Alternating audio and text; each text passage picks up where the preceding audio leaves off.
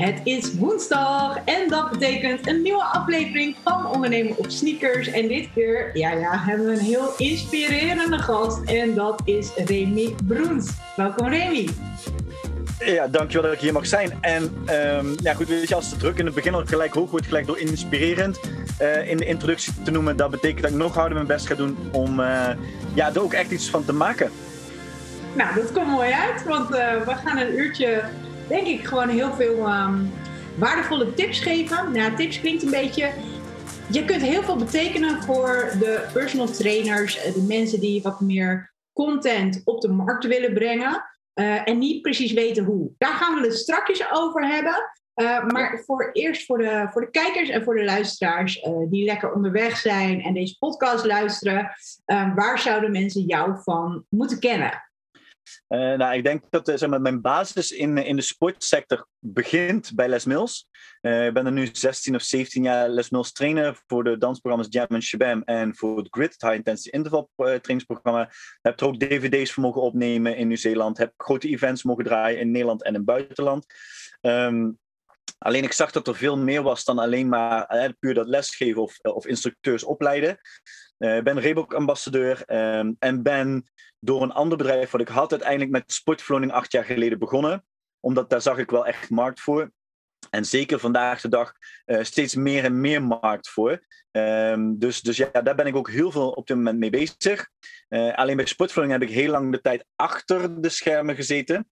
En nooit echt mijn gezicht laten zien. Terwijl de laatste anderhalf, twee jaar ben ik steeds meer toch wel ook naar buiten treden. En uh, meer, ja, meer, meer visueel in beeld, zeg maar. Om, omdat ik toch wel merk dat ze vaak niet alleen een logotje willen zien, maar ook een persoon willen zien. Uh, maar goed, uh, vorig jaar gingen we natuurlijk de lockdown in. En als je dan bijvoorbeeld groepslessen geeft of je werkt in de sportsector, dan kwam in één keer je urenverdeling kwam heel anders te staan. Want ja, ik, uh, je had geen groepslessen meer, Les opleidingen werden gecanceld en dergelijke. En toen dacht ik, ja, ik, wil, ik, ik zie wel veel meer kansen in de markt. Ehm, dus daar wil ik me gaan verdiepen. En zo ben ik Speakerbox begonnen. En Speakerbox is in principe eigenlijk, ehm, het doel van Speakerbox is een podium bieden aan MKB'ers en ZZP'ers die heel graag hun content zouden willen delen. Uh, vaak merk ik dat heel veel mensen heel enthousiast en gepassioneerd zijn over wat ze in huis hebben. Of dat ze uh, misschien wel een, een, bijvoorbeeld fitnessclub hebben of een crossfit box of een, een boutiqueclub. En dat ze ook bijvoorbeeld met e-learnings of dergelijke aan de slag willen. Maar dan, uh, ja, dan moeten daar heel veel tijd in investeren. En ook in het marketinggedeelte, in het opzetten. Hoe gaan we dit helemaal doen? En dan denk ik, ja, dat kan veel makkelijker. Want dat, als wij daar nu mee helpen, zodat zij met hun passie uh, bezig kunnen zijn en hun daadwerkelijk content kunnen delen. En wij al die randzaken eromheen uh, ondersteunen. dus dat, daar ben ik nu ook volop mee bezig. Ja, super tof. Ik, uh, ik herken wel een stukje in de visie van, van Speakerbox. En, uh, want dat is waar we vandaag uh, wat dieper op ingaan. Um, de reden waarom wij ondernemen op sneakers hebben opgezet is eigenlijk, uh, de kern is hetzelfde. Je, je bent gepassioneerd over hetgeen wat je doet en je wil je voornamelijk bezighouden met het trainen, coachen en begeleiden van, van jouw klanten. Maar er zit vaak veel meer in. Dus als ondernemer zijnde heb je heel veel ja, werkzaamheden die wel gedaan moeten worden. Die kun je dan uitbesteden of je kunt ervoor zorgen dat je dat zelf gaat doen, omdat het nog te doen is, zeg maar. Um, maar er zijn ook veel dingen die je dan bijvoorbeeld uit zou moeten zoeken. En dat kost heel veel tijd. En dat is, daar hebben wij dus dit platform voor opgezet. Om gewoon wat kortere lijntjes te hebben. Om te sparren met collega-ondernemers. Om te kijken, oké, okay, hoe pak je dat aan? Hoe doe je dit? Zodat ze daar alsnog zelf mee aan de slag kunnen gaan. Of dat uiteraard kunnen uitbesteden. En jij doet eigenlijk precies hetzelfde. Dus Um, dit zijn dan voornamelijk de randzaken om het uh, ondernemen heen. Maar je hebt ook um, ja, content die gedeeld moet worden. En ik denk dat steeds meer mensen daar, uh, including me, veel meer mee bezig zijn. Als in, je bent in de praktijk bezig, maar als je kijkt naar afgelopen jaar, zijn denk ik steeds meer trainers ook online bezig geweest. En niet alleen maar in, in het geven en organiseren van lessen, maar voornamelijk ook uh, waarde delen, content content delen, weet je Dus daarin moet je onderscheid gaan maken. Uh, in je ja, natuurlijke zichtbaarheid, je SEO bijvoorbeeld. Maar ook dat mensen op een gegeven moment daar wat van kunnen leren en uh, mee worden genomen in jouw visie. Om vervolgens uiteindelijk wellicht klant te worden, want dat is natuurlijk het doel. Um, Maar je kunt ook nog een stapje verder gaan. Hè? Dus je hebt de, de live trainingen die je kan geven. Maar stel dat je als trainer-coach nog meer waarde wil geven in bijvoorbeeld een e-learning systeem. Dan, ik heb me er zelf heel erg in verdiept. Dus ik weet hoe ik het kan doen. En ik, ehm, maar dat kost ook heel veel tijd om mhm. precies te weten van hoe en wat. Maar jij faciliteert dit eigenlijk voor trainers en coaches. Hoe gaat dit te werk? Ja, kijk, wat je heel terecht zegt, hè, eh, je noemde net al het stukje online hè, wordt steeds groter. Uh, dus eigenlijk door, eigenlijk door het hele coronagebeuren is natuurlijk een stroom, ehm, stroomversnelling gekomen. Maar als je gaat kijken naar 2019, in de sportbranche, in de fitnessbranche, betaalde 28% van de leden van fitnessclubs al voor online trainingen en e-learnings. En ongeveer deed al online trainingen. Dat is 2019, toen hadden we nog geen corona in Nederland. Dus dat is nu alleen maar versneld. Um, je ziet natuurlijk heel veel ook heel snel opkomen. Je ziet grote partijen die zich ermee gaan bemoeien. Ik bedoel, Apple, Google, um, Peloton, um, Mirror. zijn allemaal hele grote financiële partijen. Die, sommige, zoals Apple en Google, hebben helemaal niks met sport te maken. Hebben wel een Apple Watch, maar hebben verder niks met sport. Maar zelfs zij gaan dadelijk uh, hiermee aan de slag. Dus je ziet dat hier echt wel een toekomst in zit. En we hebben natuurlijk de millennials en generatie Z, die, dat, dat, zijn, ja, dat zijn gewoon, die zijn opgegroeid. Kijk, wij kennen nog, ehm, en nu, nu klinken we heel oud, wij kennen nog de dag dat internet niet bestond. Uh, we kennen de dag dat internet wel bestond en dat je moest inbellen. We kennen ook de, de, de, de eerste mobiele telefoons. De eerste keer dat je uh, met een Blackberry online ging uh, of mailtjes ging versturen. Dat kennen wij. De nieuwe generatie kent dat niet, dus die, die gaan daar ook veel meer opzoeken. En uh, zeker als je ook nog eens de tijd gaat splitten. We weten dat mensen in de toekomst meer thuis gaan werken in plaats van alleen maar op het werk. Dat is een combinatie, dat gaan ze ook met sport doen. Nou, um, uh, en dat geldt voor een hele hoop dingen. Daarnaast is heel veel al online te verkrijgen. En dus wat je zegt, je zegt um, uh, vaak moet je al heel veel dingetjes online met video's delen en dergelijke. Ja, dat klopt. Ik maak altijd een grap. Je moet 90% van je kennis moet je gratis weggeven. En die laatste 10% betalen ze heel veel geld voor. Um, zo, zo, gaat het vaak tegenwoordig. Kijk maar eens naar de websites. Als je training wil doen, je krijgt al heel veel gratis. Je krijgt al de eerste drie hoofdstukken van, van een boek van tien hoofdstukken. Uh, en die laatste zeven moet je dan bijkomen. Maar dan ben je toch een lezen, nou laat de rest nog maar bijkopen. Um, ja? Ik ben, ik ben heel benieuwd, want uh, kijk, jij weet dat, ik weet dat. Uh, maar ik ben er eigenlijk nu pas net mee bezig. Um, hoeveel procent van de trainers denk jij die dat daadwerkelijk al doen? Want ik denk dat het er nog niet zo heel veel zijn. Nee, een heel klein percentage. En, en ook, ook niet alleen van de, van, de, van, van personal trainers en coaches en instructeurs, maar ook nog eens van sportclubs een heel klein percentage. En dat moet, dat moet sneller gaan groeien. Daar moeten ze de meerwaarde van in gaan zien. Het is tijdsefficiënter. Um, we, zien het, we zien het in de cijfers. En dat is ook waarop wij willen ondersteunen. Ik zeg altijd, jij moet met je passie bezig kunnen zijn. En wij moeten daaromheen kunnen kijken. Kijk, wij doen het niet specifiek alleen van de sport. Uh, binnenkort komt bijvoorbeeld een stroomcursus Bitcoin komt online. Ja, heeft niks met sport te maken. Dus we, ja, ik help echt uh, veel breder dan alleen sportsector. Maar ik merk dat de sportsector op dit moment er extreem van zou, moeten en kunnen profiteren.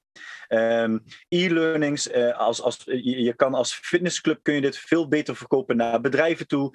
Je kan toekomstige klanten. Ik maak altijd een voorbeeld, laat ik even een diëtist noemen. Ik maak even heel snel een voorbeeldje. Je hebt een diëtist en er komt een klant komt bij een diëtist. En die gaat zitten en heeft een informatief gesprek. En dan zegt op een gegeven moment, die, dan zei, nou, ik wil zoveel kilo afvallen, dat kan. En dat, nou, dat kost 500 euro. Dan ga je van 0 naar 500 euro. Dat kan voor zo'n klant heel veel geld zijn als dat de eerste keer is dat ze misschien wil gaan afvallen. Um, op dat moment is er een kans dat je zegt, ja, 500 euro vind ik wel veel. Nou, dan, ja, dan, dan ga ik eerst iets anders proberen. Hoe sterk is als je dan kan zeggen, maar ik heb wel nog een e-learning online staan. Dat is een stuk goedkoper. Ik noem even een bedrag, hè. dat kost 100 euro. Daar kun je al mee aan de slag. Dat zijn uh, vijf hoofdstukken. Um, en ik weet zeker dat je dat al enorm gaat helpen. Is dat misschien een beter begin? Ja, ja, het sterke is, ze zitten met jou, ze werken met jouw formule, ze werken met jouw training. Ze hebben aan jou betaald, dus je bent niet een klant verloren. Dus je hebt niet in plaats van 0 euro, je hebt geen 500, maar je hebt wel 100 euro binnengehaald. Je hoeft daar niks meer voor te doen, want die e-learning staat al online. En als die klant, en dan kom ik even op dat voorbeeld die het is. Kijk, we weten dat, dat vaak dan, dan starten ze, maar ja, het brengt net niet het resultaat wat ze willen, zo'n e-learning. Er zijn maar een klein percentage die echt zeggen, bij een diëtist, ja, ik ben die kilo's afgevallen en ik hou ze eraf. Dus er komt een moment dat ze toch weer contact gaan opnemen, want ze hebben al geld geïnvesteerd in jou. En dan kun je natuurlijk zelfs zeggen, oh, weet je wat, je krijgt dat bedrag van die e-learning krijg je terug. Je betaalt maar 400 euro dan als je nu start. Ik noem iets. Dus je bouwt je eigen marketingmodel. Um, je kan uh, klanten die je verliest, kun je in één keer toch binnenhalen. Klanten die online willen starten, ga even kijken. Sommigen vinden het heel erg uh, een te grote stap om naar een personal trainer toe te stappen. Of naar een groepsfitnessles te stappen. Die willen eerst eens thuis met de gordijnen dicht. Die willen eerst eens zelf wat dingetjes proberen. Die gaan online. Uh, ik weet, vorig jaar had uh, uh, het, het, het merk Rogue, wat natuurlijk veel in CrossFit bekend is, die hadden op een gegeven moment een leveringsstop. oh nee, een bestelstop. Je kon niet eens meer bestellen omdat ze het niet aangemaakt kregen vanwege het aantal um, um, bestellingen door middel van mensen die voor een home gym uh, af en alles aan het bestellen en thuis wilden hebben. Dus dat betekent dat steeds meer mensen die home gym gaan krijgen, ze gaan thuis aan de slag. Ze komen er vanzelf wel uit dat ze denken, ik heb toch die begeleiding nodig. En dan is die stap naar zo'n e-learning of naar een personal trainer weer een volgende stap. Uh, en dat noem je eigenlijk een waardeladder. Je hebt 0 euro content die je gratis deelt, hè, op feestjes, social media, et cetera. Uh, en misschien ook wel video's die je uitgeeft. Ik doe het zelf inderdaad ook, bijvoorbeeld met sportverloning, topics die ik behandel. En die gooi ik allemaal bij en dan mogen we over discussiëren. Ik vind het ook leuk. Um, maar er komt een punt waarop dan iemand tegen mij zegt van ja, maar ik loop er echt tegenaan. Kijk, en die klant wil ik helpen, want die heeft ook echt een probleem. En um, ja, op dat moment, nogmaals, ja, e-learning is daar gewoon een enorm goede tool in. Uh, omdat het je waardeladder, gaat van 0 euro naar 100 euro e-learning. Dan heb je misschien, misschien heb je ook nog een e-book van 5 of 10 of 15 of 20 euro er ook nog tussen zitten. In plaats van dat je gelijk die volle, volle pond gaat vragen.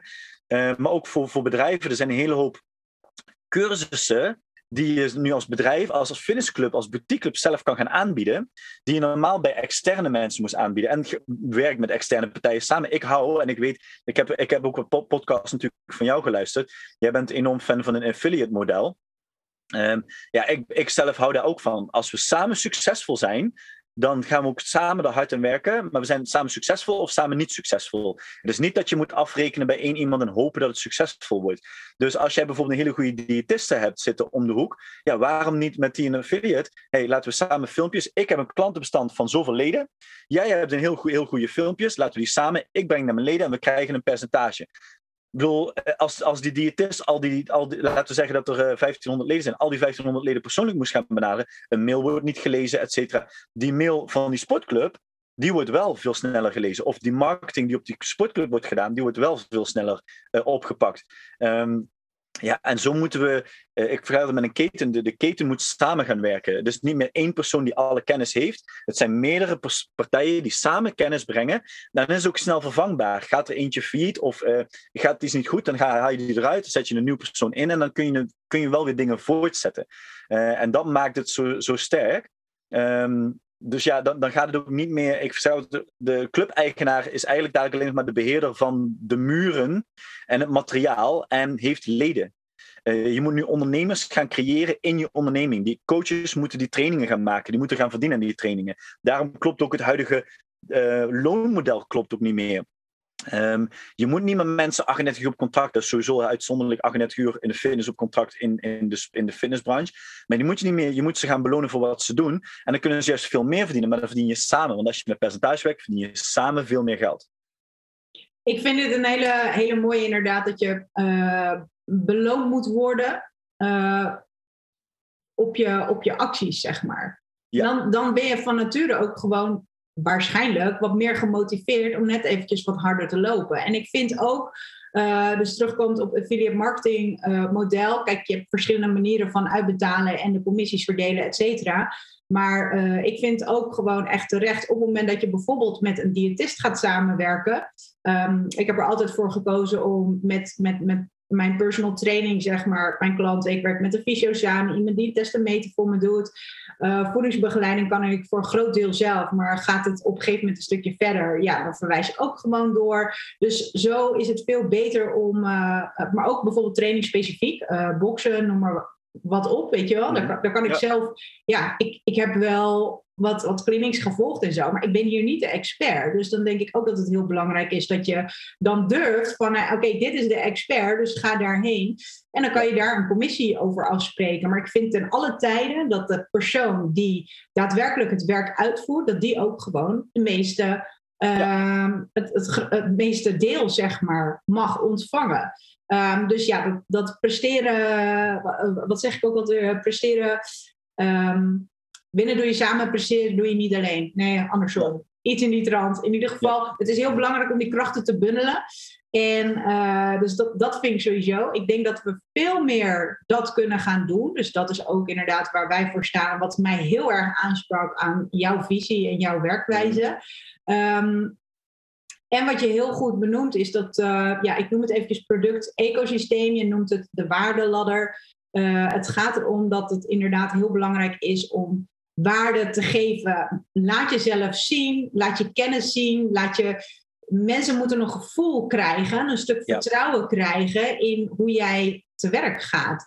En ehm, een, een gratis product weggeven, een klein instapproduct, een product voor je lead, zeg maar, neer te zetten, zorgt ervoor dat mensen vertrouwen krijgen met jouw werkwijze. Eh, aan de andere kant ook nog een beetje het stukje van ik wil het eerst zelf proberen. Want de mensen Ja. willen het allemaal eerst zelf proberen. Dus zij eh, worden een beetje de hero in dit geval. En dan erachter komen van hé, hey, misschien is het toch wel handig. Ik heb alle tools. Maar nu moet ik nog met die tools goed gaan zien te werken. En daar kom jij als trainer-coach zijnde. En jij gaat dan zeggen: Oké, weet je wel, ik heb hier alle ervaring in. We gaan een beetje naar rechts, we gaan een beetje naar links. En dat is zeg maar waar jij je als coach heel erg in moet gaan onderscheiden, denk ik. En dat ook vooral de wereld intrappen. Ehm, dus dat, ik denk dat dat inderdaad echt heel erg belangrijk is. En dat heel veel mensen dat nog niet doen. En ik vind het heel tof dat jij eh, eh, daar de mensen in, ehm, in begeleidt. Van oké, hoe moeten ze daarmee aan de slag? Ehm, even kijken, wat wilde ik daar nog meer over zeggen? Nou, stel e-learning. Laten we eventjes teruggaan naar het stukje Ja. e-learning. Eh, Ja. Je had het ook over bijvoorbeeld een e-book. Ik denk dat het handig is dat je het niet per se een e-book noemt, maar je, je kunt. Laten we even lekker brainstormen. Verschillende vormen van weggevers. Wat zou dat kunnen zijn? Ja, weggevers. Weet je, het begint, het begint al heel simpel. Hè? Het begint met een webinar. Ehm, je, kan, eh, je kan inderdaad met, met stukken tekst werken. eh, je kan blogs schrijven, je kan vlogs maken. Je kan, ehm, eh, we, hadden, je, kan- een boek schrijven. ehm, je kan hele hoop content delen. Maar ik denk wel als je content deelt, dat het niet meer gaat om die. Kijk, vroeger zeiden we: de eerste sessie is gratis. Of kom een keer gratis sporten op de sportclub. Dat hebben we allemaal al gezien. Eh, en dat weten we dat we dat allemaal kunnen krijgen. Je, iemand moet van tevoren overtuigd worden. En om even een stap te maken, ehm, we komen van een experience-economie en we gaan naar een impact-economie. En dit is, dit is heel belangrijk om te weten. Eh, de experience-economie is het verschil waarom een kopje koffie bij jou thuis 0,05 cent kost als je van de, van de een of ander pak koffie eh, eh, bij, bij de supermarkt koopt. Maar waarom dat je er 12 euro voor betaalt als je in Rome op een terras zit. Dat is experience-economie. Je hebt die 12 euro, dat, is het gevoel. Je zit tegenover een of ander mooi gebouw. Je zit op een terrasje. Je bent in, in Rome. Daar ga je waarschijnlijk komend jaar niet meer komen. En dan ga je meer betalen. Dus mensen vroeger, ja, dit klinkt vroeger, maar tien jaar geleden kwamen naar de fitnessclub. Want die wilden die loopband met die extra USB Bluetooth aansluiting. En dan een televisie daarop. En dan kon ik een kanaal kiezen wat ik wil kijken. Dat was een experience, een beleving. We hadden hele futuristische apparatuur en zo. En terwijl je ziet dat functionele training weer toe is genomen. Hè? Dus, dus we zijn allemaal weer naar de halters en de dumbbells gegaan. Ze zijn wel niet meer zo roestig als de tijd dat Arnold Schwarzenegger ermee trainde in eh, Pump and Iron. Dus ze zijn wel mooi gepolijst. Maar we gaan niet meer naar die apparaten. We gaan weer naar functioneel. We gaan weer naar spiegels. eh, al- noem maar op allemaal. En eh, het grappige is dat voorheen gingen we kijken hoeveel leden sporten op een club en wat heeft hij aan apparatuur. Dat was heel belangrijk om lid te worden. Er zijn 2000 leden, dan zal die wel goed zijn. De vraag die nu wordt gesteld door generatie Z en de millennials is: welke impact kan iemand eh, mij geven? Dus hoeveel van die 2000 leden heb jij een impact op gehad? Heb jij positieve leven veranderd? Of eh, iemand in de buurt iets positiefs veranderd? Dan raken mensen overtuigd. En dat is wat jij dadelijk met of nu hè, met jouw boekje moet doen, wat je met jouw vlogs moet doen. Je moet, eh, ehm, je moet eigenlijk mensen al triggeren dat ze zeggen, en dat zei je net heel goed, de emotie met jou gaan voelen. Want dan ga je naar impact toe. Dan ga je naar dat stukje influence eigenlijk op heel klein niveau. Want we, willen, we zien allemaal ehm, eh, eh, grote influencers, maar beroemde sterren. Dan gaan we kijken wat doen die. En dan moeten wij misschien ook dat doen, of dat heeft gewerkt. En daarom worden die voor producten ingezet. Maar je kan jezelf ook voor producten inzetten. Je kan ook je klanten voor producten inzetten. En dan, we gaan naar die impact-economie toe. En, en als je dan ook naar e-learning gaat, kan gaan kijken. En als je naar het ja, ik noem het net waardeladder. Eh, ehm, maar als je, als je daar net gaat kijken, moet je gewoon heel bewust gaan nadenken: wat kan ik doen en wat kan ik niet doen? En ook als je een webinar houdt, je moet niet gaan vertellen wat je gaat verkopen. Je moet gaan vertellen welke kennis je hebt. Want als ik ga vertellen wat ik kan verkopen, kan ik ook eh, op Facebook in een berichtje plaatsen. Dit verkoop ik. Dan kan ik ook naar Marktplaats gaan en zeggen: Dit verkoop ik. Klaar. Maar je moet die meerwaarde gaan leveren. Je moet laten zien wat je in huis hebt. En daarom kom ik weer terug. 90% geef je misschien wel al gratis weg. En 10% laat je, voor, laat je voor betalen. Het gebeurt vaak heel veel op die manier. En ja, tuurlijk, daar verlies je ook een hele hoop klanten direct mee die zeggen van ja, oké, ik heb al zoveel geleerd, ik ga nu zelf aan de slag. Maar er komt een moment dat mensen vastlopen. Daarom hebben ze niet jouw expertise. Er komt een moment dat mensen niet kunnen afvallen. Er komt een moment dat mensen niet sterker worden. Er komt een moment dat mensen uh, zakelijk niet verder komen. Dan gaan ze, en, dan hebben ze wel heel veel boeken gelezen en allemaal business coaches op socials gevolgd. Uh, maar dan komt er toch een moment dat daar weer een percentage van jou gaat bellen. En, um, en dat is hetzelfde als de sales funnel.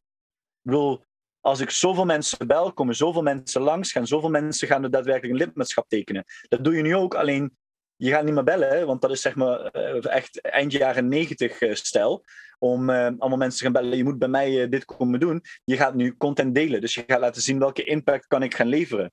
En als je die impact kan gaan leveren, ja, en als je dat duidelijk kan maken in je boodschappen, dan, ja, dan, dan heb je ze eigenlijk voor leven en dan teken je een fan. En uh, als je dan uh, een klein boekje van je hebt gekocht voor 5 euro, uh, je hebt de gratis webinar gevolgd en dan kreeg je nog een gratis boekje bij, of de eerste drie hoofdstukken, en vervolgens heb ik toch die overige zeven hoofdstukken ook gekocht. Uh, die e-learning, dat vond ik toch ook wel interessant.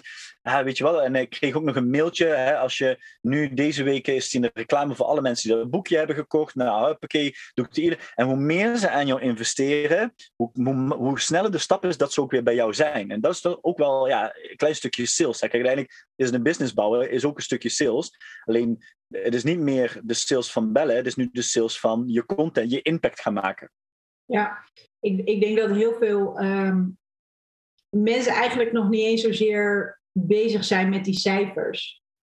Nee. En uh, ik moet eerlijk bekennen dat ik, ik, ik heb echt, uh, ik geef nou 15 jaar voor mezelf personal training, dus ik geef al wel wat langer personal training. En uh, klanten kwamen altijd met, ja, via mond-to-mond reclame, adverteren. Nou ja, komt toen, ja, hypes misschien ooit toen. Maar mm. ik heb, daar was ik echt helemaal niet bezig. De website was een visitekaartje en dat is natuurlijk allemaal veranderd. Ik denk echt wel dat het heel erg tof is om een keer echt over online marketing te praten.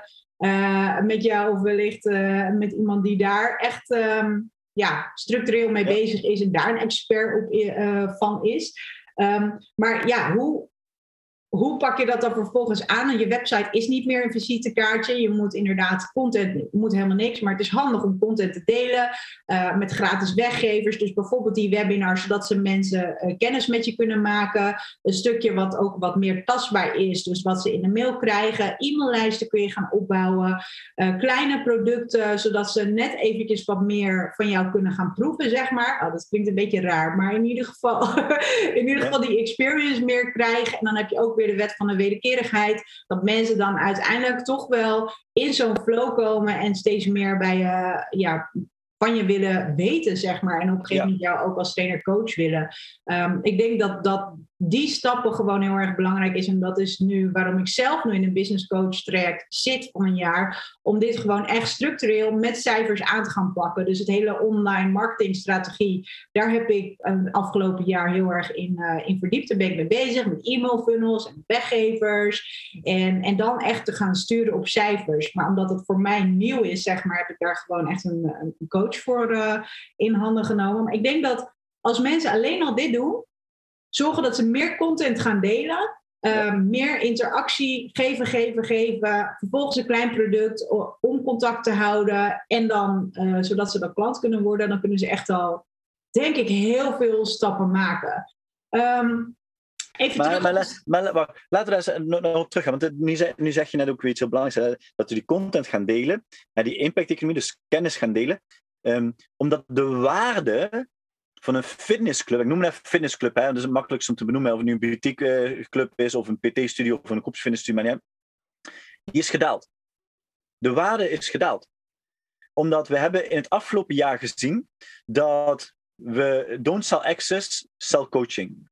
Je kan wel uh, toegang uh, verkopen, maar daar had je de afgelopen jaar helemaal niks aan. Want ik had niks aan die hele mooie loopband waar je een flinke leasebedrag op betaalt, want de klant kon niet langskomen. Maar ga eens terug naar iets heel simpels. Dat was op een gegeven moment een waarde. Ik, uh, ik doe daar spinningles op die club. Dan krijg ik ook een hartslagmeter. Weet je, dan gingen ze met zo'n emmetje rond en dan moest je die ook wel daarna poetsen natuurlijk. kreeg je een hartslagmeter op de club en dan kon je je hartslag meten en dan zat, zat zo'n klokje op de fiets. Hoeveel clubs hebben dat nog? Ja. Omdat er is geen waarde, want bijna iedereen die dat doet, die heeft of zelf een wearable en die meet het helemaal zelf allemaal op. Of eh, ze hebben op zijn minst een band. Of het wordt op een heel groot scherm. Of weet ik veel wat. Of met een app wordt het gedaan op je telefoon. Dus mensen hebben... En dat is hetzelfde met, met materiaal. Ze hebben materiaal nu, dus heel veel mensen thuis. Dus de waarde, ik zie het zelf, oké, ik heb heel veel dingen thuis. Um, dus ik hoef, ik hoef maar voor, voor twee dingen hoef ik maar naar de club. Uh, ik, uh, als ik echt zwaar wil benchpressen en als ik heel zwaar wil squatten. Want ja, nu sport ik met duwbakken en, en ik heb nog geen spotrek. Dat zal er vast binnenkort komen. Maar dat is het enige waarom dat ik nu vandaag de dag zeg: oké, ik wil vandaag squatten, dan ga ik naar de club. De rest kan ik alles thuis doen. En dan is de waarde van die club is heel klein. Dus je moet het met kennis gaan doen. En die kennis moet je gaan delen. Dat kun je niet alleen één op één. Dat zul je ook met e-learns, want niet iedereen wil ervoor betalen om één op één met jou te werken. Of je gaat bijvoorbeeld naar groepsfitness, dat zal wel ook nog kunnen. Um, of smoke-up training, maar dat kan ook via e-learning. En daarom is, dat, daarom is dit zo belangrijk. Dus buiten dat je klanten, klanten aan je bindt, de waarde van de stenen van een fitnessclub zijn gedaald. Ja, ja het, is, het is iets heel belangrijks. En uh, inderdaad, uh, je, je benoemt het bijna in elke podcast wel. Don't sell access, ja. sell, uh, sell coaching van Willem. Heel goed. heel Willem heel ja, ja. ja, ja en nee, maar daar heb je helemaal gelijk in. Ik denk ook dat het heel goed is om vooral voordat we in e-learning verder gaan duiken, dat het heel belangrijk is dat je weet wat is jouw toegevoegde waarde als coach. Waarin onderscheid jij jouzelf jou, uh, als coach zijnde? Want alle informatie is overal te vinden. Je kunt heel veel gratis vinden. En dan misschien nog niet zozeer dat, dat ja, niet iedereen hier in Nederland, laat ik het zomaar even zeggen, elke personal trainer coach ermee bezig is om, om, om, echt zichtbaar te zijn met online marketing en dat soort dingen. Maar uh, internationaal, je kan alles vinden. Je kan filmpjes vinden, alles kan je vinden. Dus waarom zouden mensen bij jou aan de slag moeten gaan? Waarom gaan zij een bepaald resultaat wel halen en waarom halen ze dat zelf niet? En ik denk dat dat heel erg belangrijk is, dat je dat weet van jezelf. Waarin onderscheid jij jezelf? En dat je daarop um, dat product-ecosysteem of de waardeladder of in ieder geval het e-learning stukje uh, gaat opzetten. Je moet, je moet echt ook gaan kiezen en niet maar de hele wereld willen helpen. Dat is natuurlijk een, een heel, heel goed gedachte. Maar ik denk dat, dat het heel belangrijk is dat je gaat kiezen wie jouw doelgroep is en waar ben jij goed in. En daarop gaat, uh, uh, gaat targeten, zeg maar, gaat, gaat specialiseren. Ja, um, en, en dan, krijg je, dan krijg je ook weer de ondernemer in je onderneming. Want als ja. je vijf mensen voor jouw PT-club hebt werken, dan wil je één, één die sterk is met voeding, en eentje die sterk is voor, uh, met, met, ik noem iets met krachttraining of topsportbegeleiding, en eentje is sterk met revalidatie. Uh, en, en, en, dan krijg je karakters in een club. En die hebben allemaal een waarde, die hebben die karakters. Uh, en het zijn niet dezelfde karakters. en, en, en, en dat is precies wat jij zegt. En als je dat gaat laten samenwerken, dan ja, dat werkt twintig keer beter. En dan kun je als club zijnde of als bedrijf zijn nog wel zeggen, wij kunnen vijf verschillende dingen aan, maar voor elk halen we wel een expert in huis. En die expert die moet zich daarin ook gaan uiten, inderdaad. Nou, dat is ook een stukje vertrouwen wat je dan creëert. Hè? Op het moment dat je jezelf zeg maar een beetje een stapje naar achter durft te zetten om uh, vervolgens een expert aan te wijzen, dan voelt de klant zich ook veel um, uh, belangrijker, veel meer gehoord. Omdat je dan gewoon echt niet van, oh ja, ik, ik kan het allemaal zelf wel. Maar dat je vervolgens ook gewoon echt uh, het beste met ze voor hebben.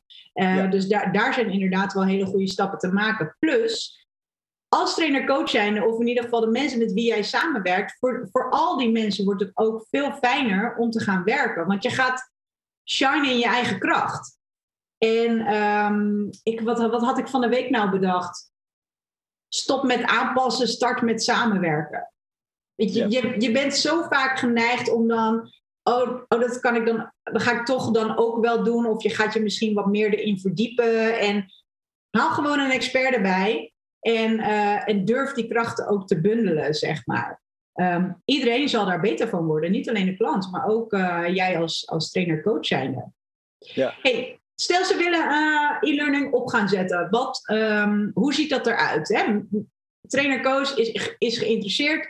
Ze willen, ze willen wat met hun content, maar ze hebben geen flauw idee hoe. Dan komen ze bij jou uit. Wat kunnen ze ja. van jou verwachten? Ja, eh, eerst is natuurlijk een, eerst een informatief gesprek. Hè? Want ik ga, ik ga ook heel eerlijk kijken welke content heb je te delen. Um, omdat sommige mensen hebben ook een beetje een idee dat e-learning al, uh, daar word ik rijk van. Uh, ik heb dat, en dat idee, dat dacht ik in het begin, ja, niet, dacht ik niet ook, maar ik dacht van oké, dat wil ik nog wel eens zien. Uh, ik begon zelf met e-learning op Instagram, dus een besloten accountje op Instagram, heel simpel, via storylines, mensen trainen, live Q&A's, et cetera. En dan zag je, en er was eentje die, die is nu al heel groot. En die verkoopt haar training, een Instagram training hebben we het over. Hè? Dus gewoon, we hebben allemaal Instagram, Instagram voor 150 euro ex BTW. En, dan, en die had echt per kwartaal iets van, van bijna 200 aanmeldingen. Dat zijn de uitzonderingen. Echt, dat zijn de uitzonderingen. Daar moet je niet op inzetten. Dus we gaan altijd eerst kijken, wat is je content en wat zijn ongeveer bedragen waar je over, je, waar, waar je, uh, ja, over na moet denken wat je, wat je, de, wat je ermee kan gaan verdienen. Um, uh, en die content die moet vervolgens ook uitgezet gaan worden. Dus we moeten gaan bepalen uit hoeveel hoofdstukken bestaat content.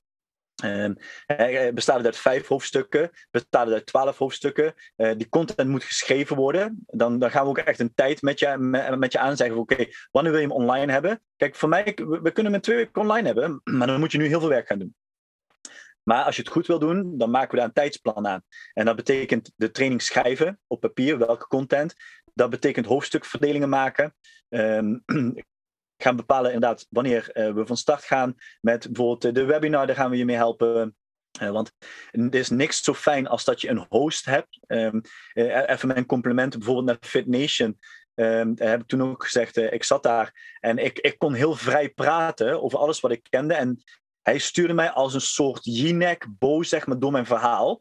Uh, en dat is zeg maar wat wij dan zeggen: oké, we gaan nu een webinar voor al die mensen die geïnteresseerd zijn, gaan we organiseren. En jij gaat je content vertellen. Dit zijn de topics die we aanhalen, dus bereid je erop voor. En ik ga het gesprek leiden voor je.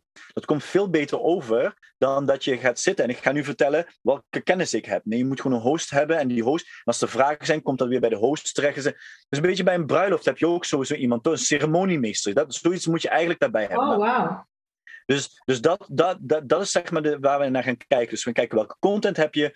Uh, we gaan je uh, heel eerlijk zeggen van oké, dit zou je daaraan kunnen verdienen per training. Dus ga je niet blind staren op die persoon die 200 keer haar training verkoopt in een, in een kwartaal en vervolgens 100, uh, 150 euro ervoor vraagt. Ehm, want ja, ik, ik had laatst iemand zeggen, ja, ik wil mijn training ga ik verkopen voor 200 euro. Ik zeg, nou, ik denk dat als je 29,95 vraagt dat je blij mag zijn.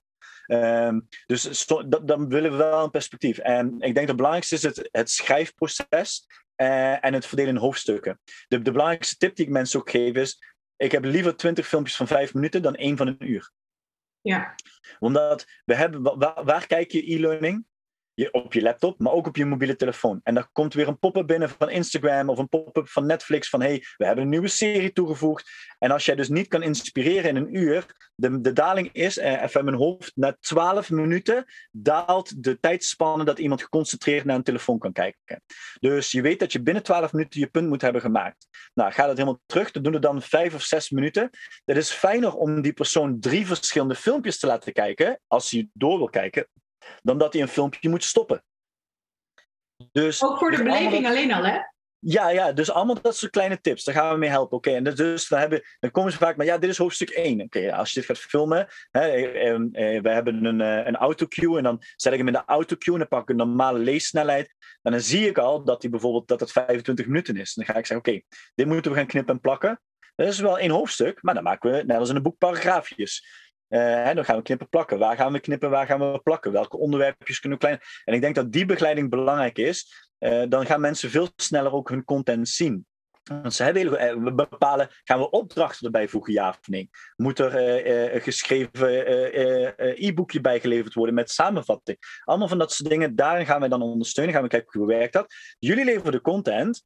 Um, dat kan ik niet, want jullie hebben die kennis. Uh, en ja, natuurlijk krijg je ook tips. Hè. Hoe kun je dat makkelijk tegenwoordig uh, met, met mobiele telefoon heb je. Ik zag nu laatst Samsung heeft volgens mij 8K beeldkwaliteit met filmen. Nou, dat is beter als dat mijn televisie aan de wand is, want die is 4K. Dus wat dat betreft, met je telefoon kun je al zoveel. Dus laten we het niet moeilijker maken. Maar ja, help je in die structuur. En als ik iets heb geleerd, ook als les trainer al. Heel vaak vroegen mensen, ja, ik wil les Mills trainer worden. Ik wil ook op een groot podium staan. Wat moet ik daarvoor doen? Welke skills? Ik zei, ja, eh, de basis. Je moet gewoon de basis hebben. Ken, jij, ken jij, uh, Nomi, ken, ken jij uh, schilderen op nummer van Ravensburger? Nee. Niet? Dat uh, was, ja, was... ja, ja, ja, ja, wel. Ik, ging altijd, maar... ja, ik was gek van paarden. Ik, ik, ja, ik ging dat ook doen.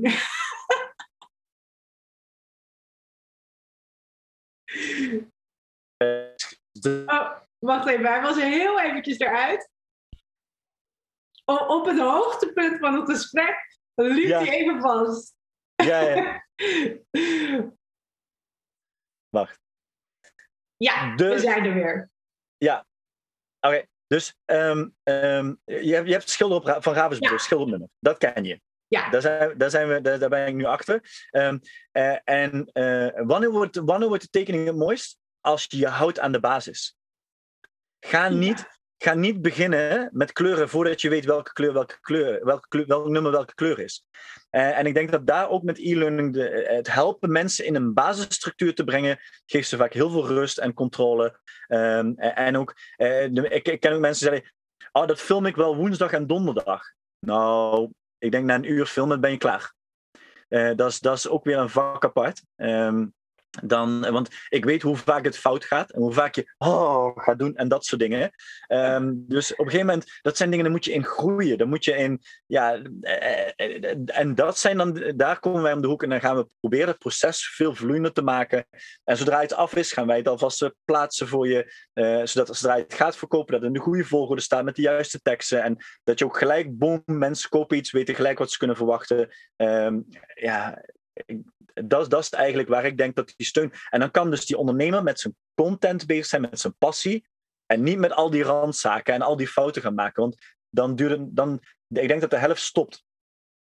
Ja, ja, ja zeker. Ik, ik moet zeggen dat uh, uh, ik, ik wilde dus echt al vorig jaar wilde ik met een podcast aan de slag. En ik ben echt maanden bezig geweest om dingen uit te zoeken over microfoons en hoe ik dat allemaal ging doen. En ik wilde wel, je hebt daar verschillende soorten in, maar uh, wat nou als je met meerdere sprekers gaat werken, dan is het ook belangrijk met je geluidskaart. En de, ga je filmen, ja of nee? En uiteindelijk heb ik dan nu de wat uh, makkelijkere versie. Hè. Voor nu is het dan gewoon mm. nog uh, via Zoom. Maar er zijn ook, uh, ja, ik heb nu gewoon een hele set aangeschaft. En ik kan straks kan ik gewoon weer op pad om, om daarmee aan de slag te gaan. Maar er is een heel groot verschil in microfoon. Of je dat gaat gebruiken, waar je het gaat gebruiken. En of je met twee sprekers gaat werken, ja of nee. Hoe ga je dat editen? Muziekje wel of niet? Weet ik veel wat allemaal. En ik kan daar alleen al een podcast over opnemen. Ja. Je, je, kan daar echt helemaal in verdrinken. En er zijn ook best wel wat cursussen. En ik heb er dan eentje had ik aangeschaft. En daar heb ik best wel wat uit geleerd. Maar ik, ik dacht wel van... Oké, ik, ik zou dat nu... Uh, nou, niet per se dat ik nu de expert ben. Maar ik weet wel waar je allemaal tegenaan zou kunnen lopen. En hoe je dat in ieder geval kan omzuilen. Um, maar goed, ja, ik, ik denk, je kan je echt helemaal verdrinken in de techniek. En ook nog als je het interessant vindt, dan is het een gigantische valkuil. Ga het alsjeblieft uitbesteden. Dat is echt, uh, echt heel erg belangrijk. En dan kan je gewoon bezighouden met hetgeen wat belangrijk is, jouw kennis en waarde de wereld intrappen. Ja. En, en, uh, en, en nu noem je weer een belangrijk... Ja, dit is echt super... Ja, ik weet natuurlijk wat jouw enthousiaste punten noemen. En ik had, eh, ik had jouw verhaal van de podcast ook gehoord, inderdaad, dat je het helemaal was uitzoeken. Ik had hetzelfde. Hè? En, en het grappige is, het ligt in de basis. En, en ik zal je wat vertellen. Ehm, en dit vertel ik iedereen die bij mij komt en die zegt: Ik, ik wil wel kijken of een, ik iets met een e-learning kan. Als een, als een club naar me toe komt, ik wil er ook eens naar gaan kijken. Ehm, en dan zeg ik het eerste: Weet je wat het belangrijkste, wat, weet je wat het belangrijkste is om te, om te verkopen? Je moet mensen vertellen dat een olifant grijs is. Daar betalen ze extreem veel geld voor. Daar echt, ze gaan je bedanken na die training. En wat ik daarmee bedoel is, verkoop content die voor jou enorm simpel lijkt. Ga niet te diep op je, op je content in. Doe dat in deel 2, 3, 4, 6, 8 of 10. Want daar gaat het ook fout. We maken een e-learning en we duiken meteen heel diep. We gaan een e-learning over voeding en we gaan het gelijk over micronutriënten hebben, terwijl we eigenlijk hadden moeten beginnen met de schijf van 5. Dus, uh, om, uh, en dan, ja, dan los van de kwaliteit van de schijf van 5. Ja, ja, even, even, ja, ja, ja, even, ja, ook, nee, ja, in, in, ook daarin delen wij dezelfde mening. Uh, ja, um, uh, de, de basis is natuurlijk, en, en dat komt, dit komt in elk gesprek dat ik voer naar voren. Uh, mensen willen de sexy, funky stuff. En, en ik noem het eventjes de tips en tricks en, snel en uh, direct voelbaar resultaat. En ja, het, het, gaat inderdaad gewoon om die basis. Ga eerst gewoon bewegen. Zorg eerst ervoor dat je meer gaat bewegen. Zorg eerst dat je in ieder geval weet wat je in je lichaam stopt qua voeding. Zorg eerst voor dat het gaat echt om die basis. En uh, als je bijvoorbeeld kijkt naar weightlifting, ja, dan sta je daar meer met een PVC-pijp of met een uh, ja. zo'n bezemsteel, maar dan zonder broom, zeg maar, ding, ja, ja, ja. borstel. En um, dat blijft gewoon heel erg belangrijk. En in training blijft dat ook belangrijk. Gewoon in lifestyle, in alles eigenlijk. Ik denk dat het voornamelijk belangrijk is dat je praktisch toepasbare content deelt waar, mensen zelf mee aan de slag kunnen gaan. Wat ze snappen, ze hoeven niet de hele achtergrond te weten. Het is wel handig dat je een beetje inzicht geeft dat mensen gaan snappen wat ze aan het doen zijn, maar ze hoeven echt niet alle details te weten. Ze moeten in beweging komen eh, met praktisch toepasbare oefeningen of uh, ja, ja, ik noem het eventjes oefeningen. Of dat nou echt fysiek is, of dat je met je voeding aan de slag gaat, of wat dan ook. Uh, en, en niet per se die, die fancy stuff. Maar je kunt het wel op een sexy manier verkopen. Ja. Um, maar als jij echt goed weet waar jij goed in bent en waar je content dus over gaat, dan kun je dat echt wel, als je daar even voor gaat zitten en desnoods ga je brainstormen met collega-ondernemers, kun je dat in, in, een, in een best wel sexy pakketje zeg maar neerzetten, zodat het hmm. aantrekkelijk is voor mensen en dat ze het dan ook nog voelen en ervaren van hé, hey, als ik hiermee aan de slag ga, werkt het ook nog. Dus ja, dat, is, uh, dat is zeker heel belangrijk. Um, ja, je bent gewoon een. Uh, hoe, hoe ben je trouwens op dit idee gekomen om dit helemaal te gaan doen? Je bent gewoon een producer, als ik het zo hoor. Nog even. Uh, ja, ja, ja. ja maar, maar nogmaals, omdat ik dus zelf dacht.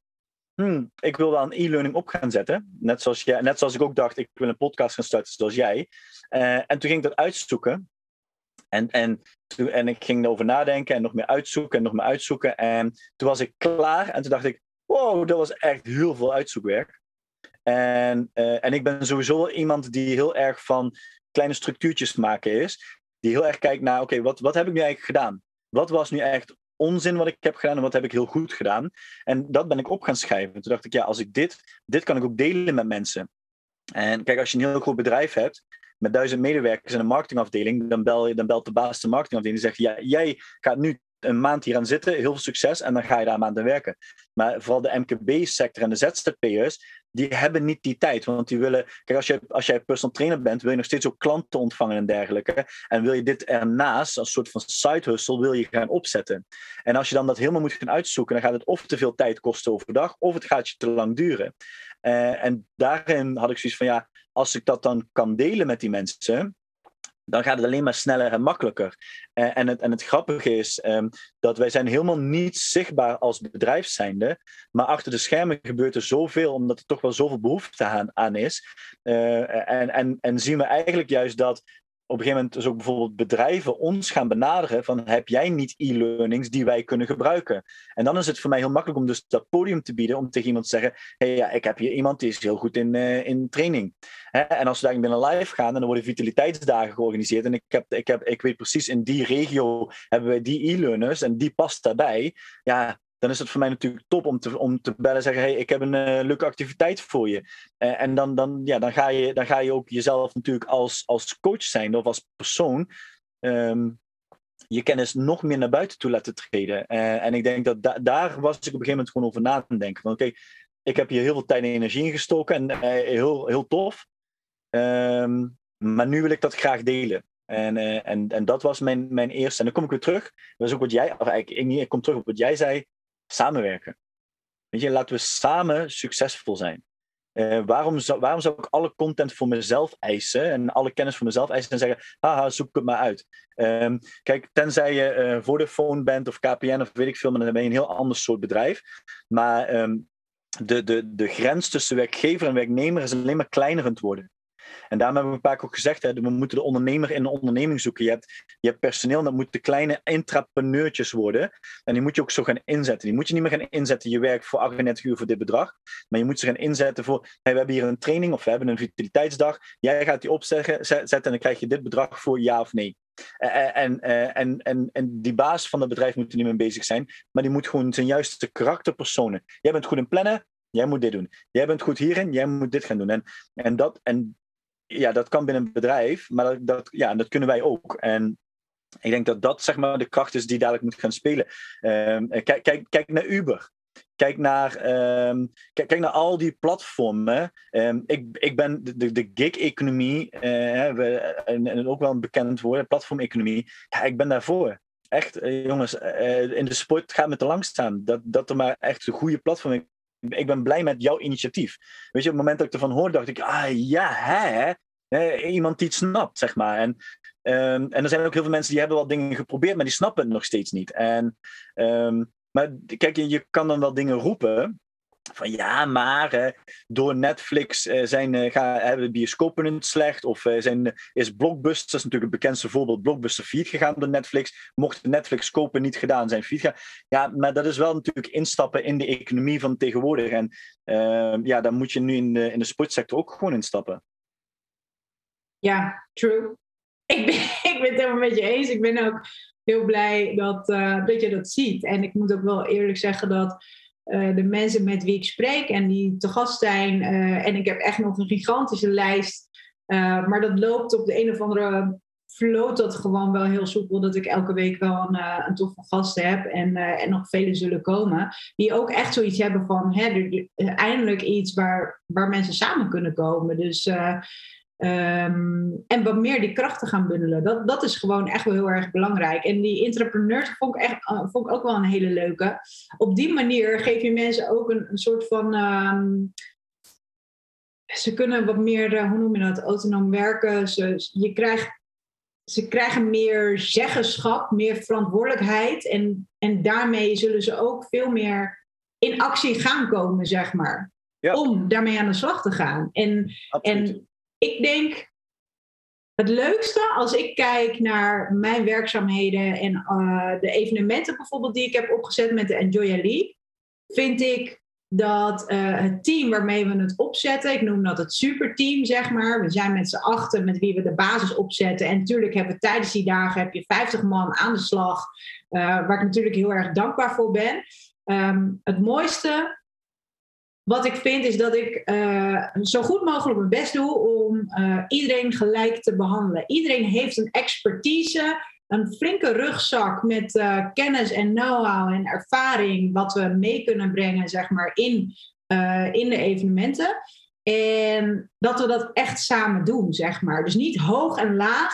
En één voorbeeld was dat ik volgens mij was het in 2015 of zo, um, was er ook iemand bij aanwezig. En uh, we hadden daarna een soort van um, ja, uh, hoe noemen we dat? Een bespreking, evaluatie. Na een evenement komen we altijd eventjes bij elkaar. Hebben een evaluatie. Oké, wat zijn de punten wat, uh, wat goed gingen en wat heeft aandacht nodig voor de volgende keer? Uh, niet om daar heel diep op in te duiken, maar meer eventjes de grote lijnen, want dan zijn we allemaal nog scherp. En daarna werken we het uit. En die zei van, nou, ik mis een klein beetje hiërarchie. Ik zeg, en dat is precies wat ik niet wil. Ja. En ehm, eh, hij kwam echt uh, ja, vanuit Defensie. En ik snap dat bepaalde structuren heel erg belangrijk zijn. Maar uh, het gelijk, zonder mijn crew kan ik, niet, kan ik een heel leuk idee hebben over een evenement, is geen evenement. Zonder atleten heb ik geen evenement. Zonder toeschouwers heb ik geen evenement. Zonder partners heb ik geen evenement. Dus je moet het gewoon echt samen doen. En um, ja, ik denk dat je dat in, in een. In, dat dat echt wel de toekomst is, zeg maar. De structuren, tuurlijk. Uh, kleinere teams opzetten als het bedrijf groter wordt, heel erg belangrijk. Maar betaald worden voor je acties, voor je prestaties en mensen ook echt die ownership geven om, om dingen neer te kunnen zetten. En, en ze mogen natuurlijk mogen ze ook hun fouten maken, maar je, je kunt dat echt wel doen. Het, is net als met kinderen opvoeden. Je, je kunt dat echt wel doen. Je moet die kaders geven waarbinnen ze zich veilig genoeg voelen om te kunnen ondernemen, om te kunnen spelen, ontdekken en daarin te kunnen groeien. Dus um, ja. En, en mag, ik, mag ik een vraag stellen? Hè? En, en misschien ga je niet het antwoord geven wat, uh, uh, wat, ik, wat ik hoop dat je gaat geven, maar uh, wat was ongeveer de leeftijdsindicatie van de persoon die je aangaf dat hij misschien iets meer hiërarchie wilde? Um, zelfde leeftijd als ik. Oké. Wat je vaak ziet namelijk is dat het moment dat, uh, ik, ik, wil niet generaties voor het hoofd staan, maar als je een bepaalde generatie bent opgegroeid, zie je ook bepaalde karaktereigenschappen. De jongere generatie zie je dat vaak niet. Uh, uh, tenminste, die hiërarchie. Dus uh, om een voorbeeld in groepsfitness kan, kan, kun je vaak um, in die motivationele programma's, hè, zoals die HIT-trainingen, als je dan zo'n bootcamper hebt die heel veel motiveert, weet je vaak als een persoon van boven de 50 omdat die komen uit een heel ander tijdperk met een hele andere hiërarchie, maar in het gezin, op het werk, noem maar op. En eh, als je dan gaat kijken naar iemand tussen de rond 20 tot 30 jaar, die, die zijn vaak de intelligente coach. Die zijn wat meer laid back, zijn wat relaxter, maar wat ze zeggen zijn wel enorm goed. we weten uit onderzoek, als je naar groepsfitness gaat kijken, dat, dat 80% van de deelnemers willen een intelligente coach. Die is niet slim, maar die deelt de juiste kennis. Dus je hoeft niet heel hoog IQ te hebben, maar die deelt de juiste kennis, waardoor mensen gemotiveerd raken. Dus, um, uh, en dat is ook een business. Hè? Als we terug naar e-learning. Als jij de juiste kennis deelt, dat is waar mensen naar op zoek zijn. Ze zijn niet naar, naar je op zoek omdat jij zegt: ren, ren nog eens een keer een extra rondje en ik wil dat je harder rent als het niet gaat, dan, dan gaat dat niet. En, uh, dus dat soort dingen zie je wel terug. En ja, ik denk dat dat het sterk is bijvoorbeeld met wat jij er nu met Enjoy hebt. En, um, en dat, dat geeft ook aan dat die werkgever-werknemergrens steeds kleiner aan het worden is. Um, ja, het, als, als, en ze roepen natuurlijk al heel lang, hè, als, als manager moet je jouw team Ehm, meer begeleiden, faciliteren, dan dat je daarboven staat en je moet erin staan. Dat zijn natuurlijk dingen die we denk al 15 of 20 jaar roepen. Maar ik denk wel dat het momenteel nog steeds meer waard is. En dat komt eigenlijk door de, door de technologie. We zitten op dit moment in de vierde industriële revolutie. Hè? Dat is de vierde. Alleen zo snel als het nu gaat, is het nog nooit gegaan. Want in het, en dat komt door technologie. Nu kan vandaag iets hot zijn en volgende week kan het helemaal uit zijn. En ik weet niet uh, hoe het op dit moment met Clubhouse zit. Maar dat was natuurlijk een hele Big Bang. Ik zat net voor die Big Bang, zat ik daar al in. En toen vond ik het eigenlijk best wel leuk, maar ik heb er eigenlijk helemaal niks meer mee gedaan het afgelopen jaar. En misschien komt dat omdat ik, maar misschien is het een bepaalde sector die er wel op dit moment heel veel mee doet, uh, nog steeds. Maar dat was heel erg een opkomst. En ja, maar dus alleen voor Apple. En, uh, want de Android kon nog niet en dat soort dingen. Dat was een heel ding. En terwijl nu hoor je heel weinig nog maar daarvan. In de zin van, ik wil ook graag lid worden op. Want of we zijn dan lid, maar ik vraag me af, ik weet het niet, hoeveel mensen het echt gebruiken. Dus sommige dingen kunnen heel lang blijven, maar sommige dingen zijn ook morgen weer weg. Terwijl als je 50 jaar geleden in een industriële revolutie had, dan deed je daar jaren over en dan kon je rustig aanpassen. Dat kan nu helemaal niet meer. Je, moet, nu, je moet snel mee. Het is wel grappig dat je dus over, over Clubhouse begint, want um, ik had eerst echt zoiets van, oh, gaan we weer. Nog een platform. En ik zat zelf heel erg te struggelen van, oké, er zijn een aantal activiteiten die ik doe, personal training, maar daar heb ik eigenlijk nooit echt online gepromoot of zo. Want dat, uh, uh, ja, mijn, mijn focus voornamelijk op dit moment is ondernemen op sneakers en de evenementen. Nou, dat ligt even stil, maar die twee, de, uh, ja, dat is mijn toekomst, zeg maar. Um, en ik geef echt nog met alle liefde training en coaching hoor. Maar het is voor mij een beetje de tijd om, om wat meer op de achtergrond te staan en andere trainers en coaches uh, ja, te kunnen laten floreren, zeg maar. Um, maar ik had wel zoiets van: oké, hoe zet je social media in? Doe je dat om voornamelijk content te delen? Of laat je zien uh, als in waarde delen? Of laat je zien hoe goed ben ik? Uh, ik heb daar best wel eventjes mee gestruggeld, omdat ik echt zoiets had van toen ik wedstrijden deed en mensen wilden je resultaten zien en je vindt het leuk om je resultaten te delen, dan had ik had op zoiets van ja, oké, dat, dat is dan waardevol en de rest niet. En um, ik wilde er echt vooral niet iemand zijn die uh, alleen maar foto's van zichzelf liet zien en uh, ja, kijk eens hoe goed ik ben, weet je. Dat ik, ook als je kijkt naar veel mensen die dat dus doen, heel veel bereik hebben, maar eigenlijk weinig impact maken of weinig waarde delen. Denk ik, als je verdomme zoveel bereik hebt, doe er dan wat mee. Weet je, dat, dat is een beetje een soort van ja, mijn frustratie. Uh, maar goed, ik wil dus juist een podium geven aan de trainers en coaches. Dat ze in een uh, uh, omgeving zitten waar ze dus die kennis kunnen gaan delen. En ook hoe ga je hiermee om? dit is niet mijn expertise, maar dat is wel wat ik kan faciliteren. Maar ook voor fitness professionals uh, een podium geven die echt heel erg diep de um, ja, bepaalde stof in zijn gegaan, waardoor zij dus spreker of docent zijn, maar eigenlijk helemaal niet zozeer zichtbaar zijn op social media of een LinkedIn of, of een Clubhouse, omdat zij daarmee bezig zijn. Maar die verdienen en die horen gewoon echt wel een podium te hebben. Dus dat is zeg maar wat ik graag wil faciliteren. En toen dacht ik wel van, oké, okay, Clubhouse, het, het, het, in, in, gesprek gaan, dat bevalt mij heel goed. Dat vind ik ja. fijn. Ik wil horen, ik wil sparren. Um, ja, dat vind ik ook leuk om te doen. Ik denk dat, um, ja, dat ik ja, daarin ook wel uh, iets kan uh, teruggeven, zeg maar. En ik had wel zoiets van, oké, okay, Clubhouse, ja, misschien moeten we dat ook gaan doen. En eerst had ik zoiets van, nou nee. En toen dacht ik, ja, toen ging het en heen en weer. Heb ik toch gedaan. Ik ben heel blij dat ik de content die ik daar, uh, de gesprekken die ik daar heb gehad, heb opgenomen om vervolgens wel uh, als podcast uit te brengen. Omdat ik niet zozeer inzag dat het, het gesprek en dan is het weg. Terwijl het is zonde als die waarde weg is. Weet je, ik, ja. het is veel beter om dat te reproduceren of in ieder geval daar nog artikelen over te schrijven of andere dingen mee te gaan doen. Um, heb ik geprobeerd, als in, ik ben er een paar weken mee aan de slag gegaan en daarna dan verdween mijn interesse als in, nee nou, hou je gewoon aan die basis net als met trainen, waar we het net over zeiden, zorg dat je website goed in elkaar zit, dat je waardevolle komt, dat je goed vindbaar bent. Dat, en als jij je social media, je contentstrategieën, je product-ecosysteem, als je dat allemaal op orde hebt, e-learning, e-mail funnels, dat soort dingen, en alles draait lekker, dan kan je dat soort dingen doen. Ja. Dus ik had echt zoiets van, nee, ik ben er toch ingetrapt om het, om het te gaan doen. Ik ben blij dat ik ook vrij snel als iets had van, nee, ik ga eruit. Maar de tijd die ik erin heb geïnvesteerd heb, die is niet, het is niet weg. Het, is, nee. het, is, het staat nog op internet, zeg maar. Ja, ja, nou, dat, dat is ook. En, maar ik vind het ja. wel grappig en, en ik ben het wel met je eens. En ik dacht heel, heel erg ook bij Club, het kost me te veel tijd. Dus ik moet stil gaan zitten en ik moet naar gaan luisteren. En er waren op een gegeven moment best wat interessante dingen zo rondom lunchtijd. Maar ik dacht, ja, ik kan nu of mijn taken weg gaan werken en met de baas bezig zijn, of ik kan hier weer gaan zitten en luisteren. En, uh, en, ik heb het zelfs jou en sowieso en social media, wat jij omschrijft, uh, is, is, is ook echt bewezen hè, dat, uh, dat er het laatste jaar minder mensen bij elkaar op social media reageren. Omdat ze social media niet zozeer moe, maar ze zijn moe om erop te reageren. Dus het kost allemaal te veel moeite. Oh, ik zie een bericht, ja, ik like hem wel. Ik heb geen zin meer om een commentaar te schrijven. En ik had hetzelfde. Op een gegeven moment moest ik lachen om mezelf dat ik, ik had ergens in. Ehm, in, in, in medio april uh, keek ik op mijn privé, Instagram en was de laatste keer dat ik iets had gedeeld. Toen sneeuwde nog.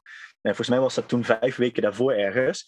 Um, en, en dat ik dacht van wow, en terwijl vroeger was ik zeg maar proberen dagelijks dingetjes te delen, tenminste in ieder geval op, um, uh, niet op de storyline, maar gewoon in de feed. En, dus ook ik merkte dat ik zoiets had van ja, en, en het begon ook steeds meer de mindset te krijgen van suffer in silence.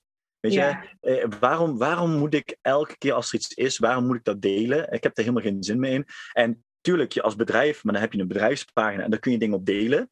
Maar uh, ik denk als bedrijf zijn dat, dat social media niet eens is super. Ja, dat is wel interessant, maar het blijft een sociaal netwerk.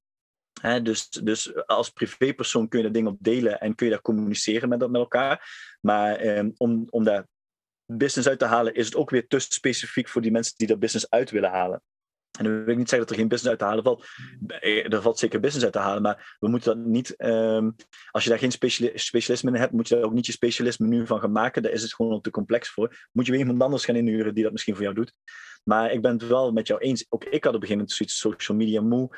En ik vind me lastig en uh, ik wilde mijn content beter delen. Dus ik maak dan liever een YouTube-filmpje van vijf minuten waar ik hele goede content deel, dan dat ik heel snel een foto met een stukje tekst plaats, waar mensen waarschijnlijk alleen de foto liken en ineens de tekst hebben gelezen.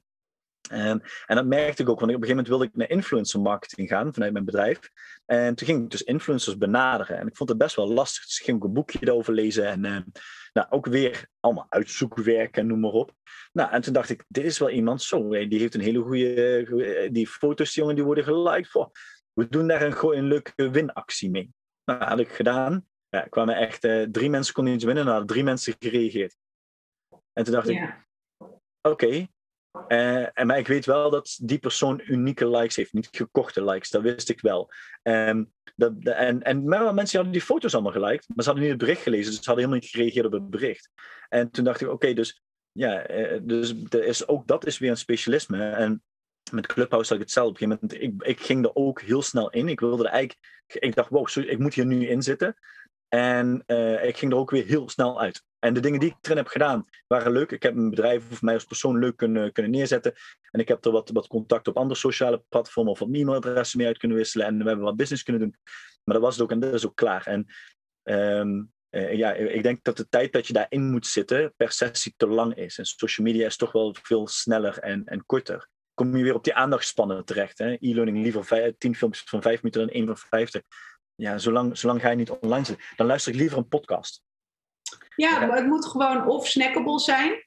Dus, dus echt uh, kort, uh, ja, wat mensen gewoon even tussendoor kunnen snacken, zeg maar. Of inderdaad een podcast of een video, videopodcast uh, of een e-learning. Maar dat ze dan ook gewoon echt op zoek zijn naar dat onderwerp of uh, ja, naar een specifiek, ja, specifiek onderwerp waar dan over gesproken wordt. En dan heb je er ook gewoon echt aandacht voor. En dat kun je ook veel makkelijker delen als ik in mijn auto zit. Uh, ik geef veel Noordwijkles en dan ga ik terugrijden. Ben ik een klein uurtje onderweg. Ik vind het heerlijk om dan gewoon even een podcastje aan te zetten en eventjes een beetje te cruisen. Um, de, ik, ik vind het ook wel lekker om af en toe een muziekje aan te doen, maar ik, dat vind ik dan een beetje zonde van mijn tijd. Ik, en dan denk ik, ja, ja. nou, ik heb in ieder geval waardevolle informatie tot me gehad en uh, uh, je leert weer wat mensen kennen of wat ideeën van mensen kennen. Je bent weer geïnspireerd en dan ga je weer verder. En ik denk dat die combinatie gewoon steeds meer gemaakt wordt. En ja, inderdaad, als je, als je echt kijkt naar social media en je wil daar heel diep in gaan duiken,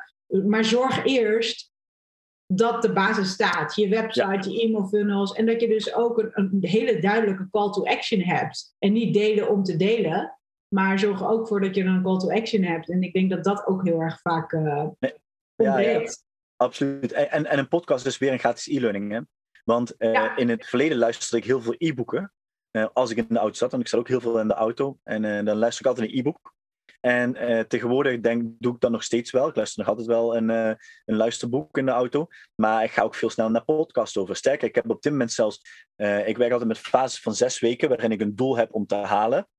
Dus een aantal taken die ik moet doen om weer een, uh, mijn bedrijf uh, nieuw iets te geven. En, um, en daar zit standaard in dat ik gewoon één avond, gewoon geen televisie, helemaal niks. Dan moet ik alleen maar bezig zijn met bijvoorbeeld uh, podcasts luisteren of dergelijke. Um, en ik ben zelfs mezelf steeds meer aan het wennen van, oké, ik wil Netflix iets gaan kijken. Oké, maar als ik niet weet wat ik wil gaan kijken, moet ik eerst een podcast gaan luisteren. En dat zijn van die kleine spelletjes die ik dan met mezelf uithaal. Omdat ik betrapte mezelf in de tweede lockdown. Ja, daar zitten we nu nog een klein beetje in, maar waar we nu uitkomen.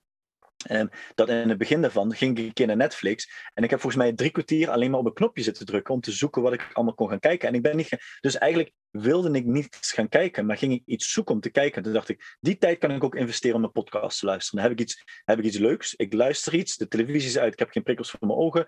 En ik kan iets gaan leren. En, uh, en dat vond ik best wel een bewustwording voor mijzelf. Uh, en het, ja, dan kom ik terug. Het is ook weer een gratis e-learning. Want daardoor kom je toch ook weer en denk je, oh wacht, dit vind ik interessant. En dan ga ik daar misschien uh, wat meer mee doen. Of ga die training volgen. Of ik ga dat boek lezen, want ze hebben het hier over dat boek. Ja, uh, kijk, ik, ik heb jouw podcast geluisterd. En, en ik ben enthousiast over jouw ondernemen op sneakers. Dus ik, ik, ik, door mijn hoofd gaat dan een week lang. Ja, poeh, weet je, wat, wat, zou, wat zou ik met ondernemen op sneakers met, met, met, met mijn bedrijven kunnen doen? Wat, weet je, en, maar dat is toch waar het om gaat.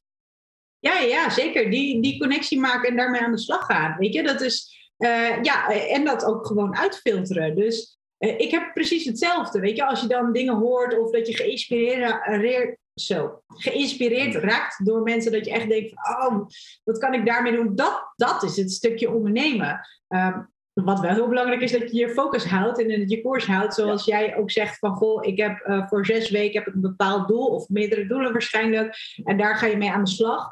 Uh, in het voorgesprek hadden we het al over afleiding en over uh, ja, hoe je het beste te werk kan gaan en hoe je het beste uh, ja, de afleiding zoveel mogelijk kan elimineren. Ik denk dat het heel tof is, want ik hoor nu een aantal dingen naar voren komen en ik, heb, ik ben echt een zakker voor dingen bijhouden en loggen en dingen niet doen. En als ik dit doe, dan moet ik wel dat doen. En uh, ik denk dat het leuk is om daar een keertje over productiviteit, daar komt het eigenlijk een beetje meer om daar een mm. keer apart een, een, podcast over op te nemen. Uh, want het is echt wel, uh, wel heel interessant. Um, we raken inderdaad allemaal heel snel afgeleid. Daar hebben we het straks over gehad. Dus de, de, de content die moet snackable zijn. Um, je gaat dan daarmee aan de slag, zeg maar, met eh, video's, uh, werkdocumenten die je of nee. Het is eigenlijk precies hetgeen wat jij benoemt, wat wij in ondernemen op sneakers gaan doen. E-learning systeem, zonder allerlei afle uh, afleidingen en toeters en bellen. waarbij je dus gewoon gericht naar de platform toe gaat, content tot je kan nemen, werkdocumenten kunt gaan uh, daarmee kunt gaan werken, opdrachten uitvoeren. En binnen dat platform gaan wij dus ook gewoon daadwerkelijk daarmee aan de slag. Dus stel, we hebben een masterclass van jou. Uh, ik noem maar wat. We, we hebben net genoemd productiviteit. Stel, jij geeft een aantal tips en uh, uh, waar mensen mee aan de slag kunnen gaan. Een werkdocument, een videootje. Mensen hebben zelfs zo'n online seminar bijgewoond of een, een webinar. Ehm, dan gaan wij ook gewoon daadwerkelijk met die mensen aan de slag in die week. Um, ik denk dat dat hetgene is wat vaak mist. Je luistert. Hmm. Heel vaak denk je, ah ja, dat, dat heb ik inderdaad wel vaak gehoord. Of dat zou ik inderdaad moeten gaan doen. En vervolgens gebeurt er niks mee. Ja. En, en ik ben dan degene, en met het team wat ik nu aan het opbouwen ben, oké, wat heb je gedaan? Hoe ziet je week eruit om elkaar een beetje accountable te houden om samen te gaan groeien? Um, want vaak als je die wederzijds commitment niet hebt, het klinkt heel stom. Of je moet echt zo, zo hoog een, een doel voor jezelf voor ogen hebben. Um, als ik bijvoorbeeld kijk naar de, de sportprestaties uh, die ik heb neergezet. Ik, ik had zo'n groot verlangen om dat neer te zetten. Alles. Ik zat echt in, in een tunnel, zeg maar. Alles wat daar niet mee te maken had, dat moest uit de weg. En uh, die, die focus is gewoon echt onwijs belangrijk om dat dan neer te zetten. Maar we raken steeds meer afgeleid. Um, dus dan is het heel goed om dan een coach te hebben. Wij zijn de hele dag al met andere mensen bezig. De hele tijd. Maar vaak heb je zelf niet, of ik heb nu wel een business coach, maar ik denk niet dat iedereen een business coach heeft. Ik ben er net zelf ook pas uh, mee aan de slag gegaan en ik heb echt een geweldig netwerk om me heen met, uh, met allemaal topondernemers. En daar heb ik ook heel veel van geleerd. Maar echt hand, bij de hand meenemen en je moet het zelf uitvoeren. Hè? Maar om elke week eventjes te vragen, oké, hoe staat het ervoor? Loop je ergens tegenaan? Uh, heb je ergens hulp bij nodig? Uh, een connectie misschien? En we gaan weer door, zeg maar. Wat, um, hoe kijk je daar tegenaan? Want ik, ik ben heel erg benieuwd. Ik verzin heel veel en ik brainstorm met mensen en ook met mijn coach. Als jij dit zo hoort, klinkt, dat dan aantrekkelijk? voor jou? Heb je zoiets van, oké, makes sense en uh, ja, dat is inderdaad waar het vaak misgaat? Of heb je daar een hele andere visie op? Nee, ik ben het helemaal met je eens. Ben ik met je eens. En dat zie ik. Ik, uh, ik heb uh, vorig jaar drie trainingen zelf online gegooid. en het waren termijntrainingen, dus die duurden, um, waren vijf hoofdstukken. En die deed je in twee weken. Maar in die twee weken deden we ook een live QA. Uh, elke dag uh, kreeg je ook een berichtje van mij. Um, uh, je kon feedback vragen, maar ik ging ook zelf. Dus als ik, als ik wist van ze zijn nu bij hoofdstuk 3, dan wist ik ook van oh, ze zijn hier nu mee bezig. En dat was de, mijn vraag voordat we naar hoofdstuk 4 gingen, was altijd: is het geluk? Heb je nog ergens een vraag over? stuur me anders eens even je, je uitwerking toe. Zo hou je mensen erin. En dat werkte het beste. En die mensen ronden ook heel, dan ronden ook 99% de cursus af. Als je zegt: hier is het, succes ermee, dan denk ik dat heel veel mensen het ook niet afronden. Dan is het mijn snelle verkooptool. En het probleem dan is, dat is leuk, want het is geld verdiend. Maar als dan, dan gaan ze niet meer een tweede en derde keer. Want dan gaan ze denken, ja, de vorige keer heb ik het ook gedaan, maar uiteindelijk heb ik er helemaal niet meer gebruikt. Um, en dat is, dat is natuurlijk wat je zegt, zo'n zo'n business coach, die houdt je accountable voor de acties die je moet doen. En, uh, en nu zijn wij twee misschien wel mensen die heel veel discipline hebben en die dat wel doen. Maar toch, toch ik merk dat zelf ook toen ik op een gegeven moment met een coach werkte. Er zijn gewoon dingen, um, je leeft in een tunnelvisie, je ziet dingen niet. Je hebt soms even uh, een, een, iets nodig van iemand die je, die je even. Um, uh, ja, uh, gewoon, en dat, dat, dat niemand heeft een objectief beeld van zichzelf. Dus je hebt eigenlijk iemand nodig die je stuurt. En ik denk dat dat de meerwaarde van e-learning moet zijn. Want ik heb ook heel vaak wel, niet echt discussies, maar wel gesprekken met mensen dat ik denk, dat ze zeggen, ja, ik wil het echt voor een termijn, mijn training online gooien, en dan weer offline, dan weer online. En sommigen zeggen, ik wil het constant online gooien. En je mag het kopen wanneer je wil.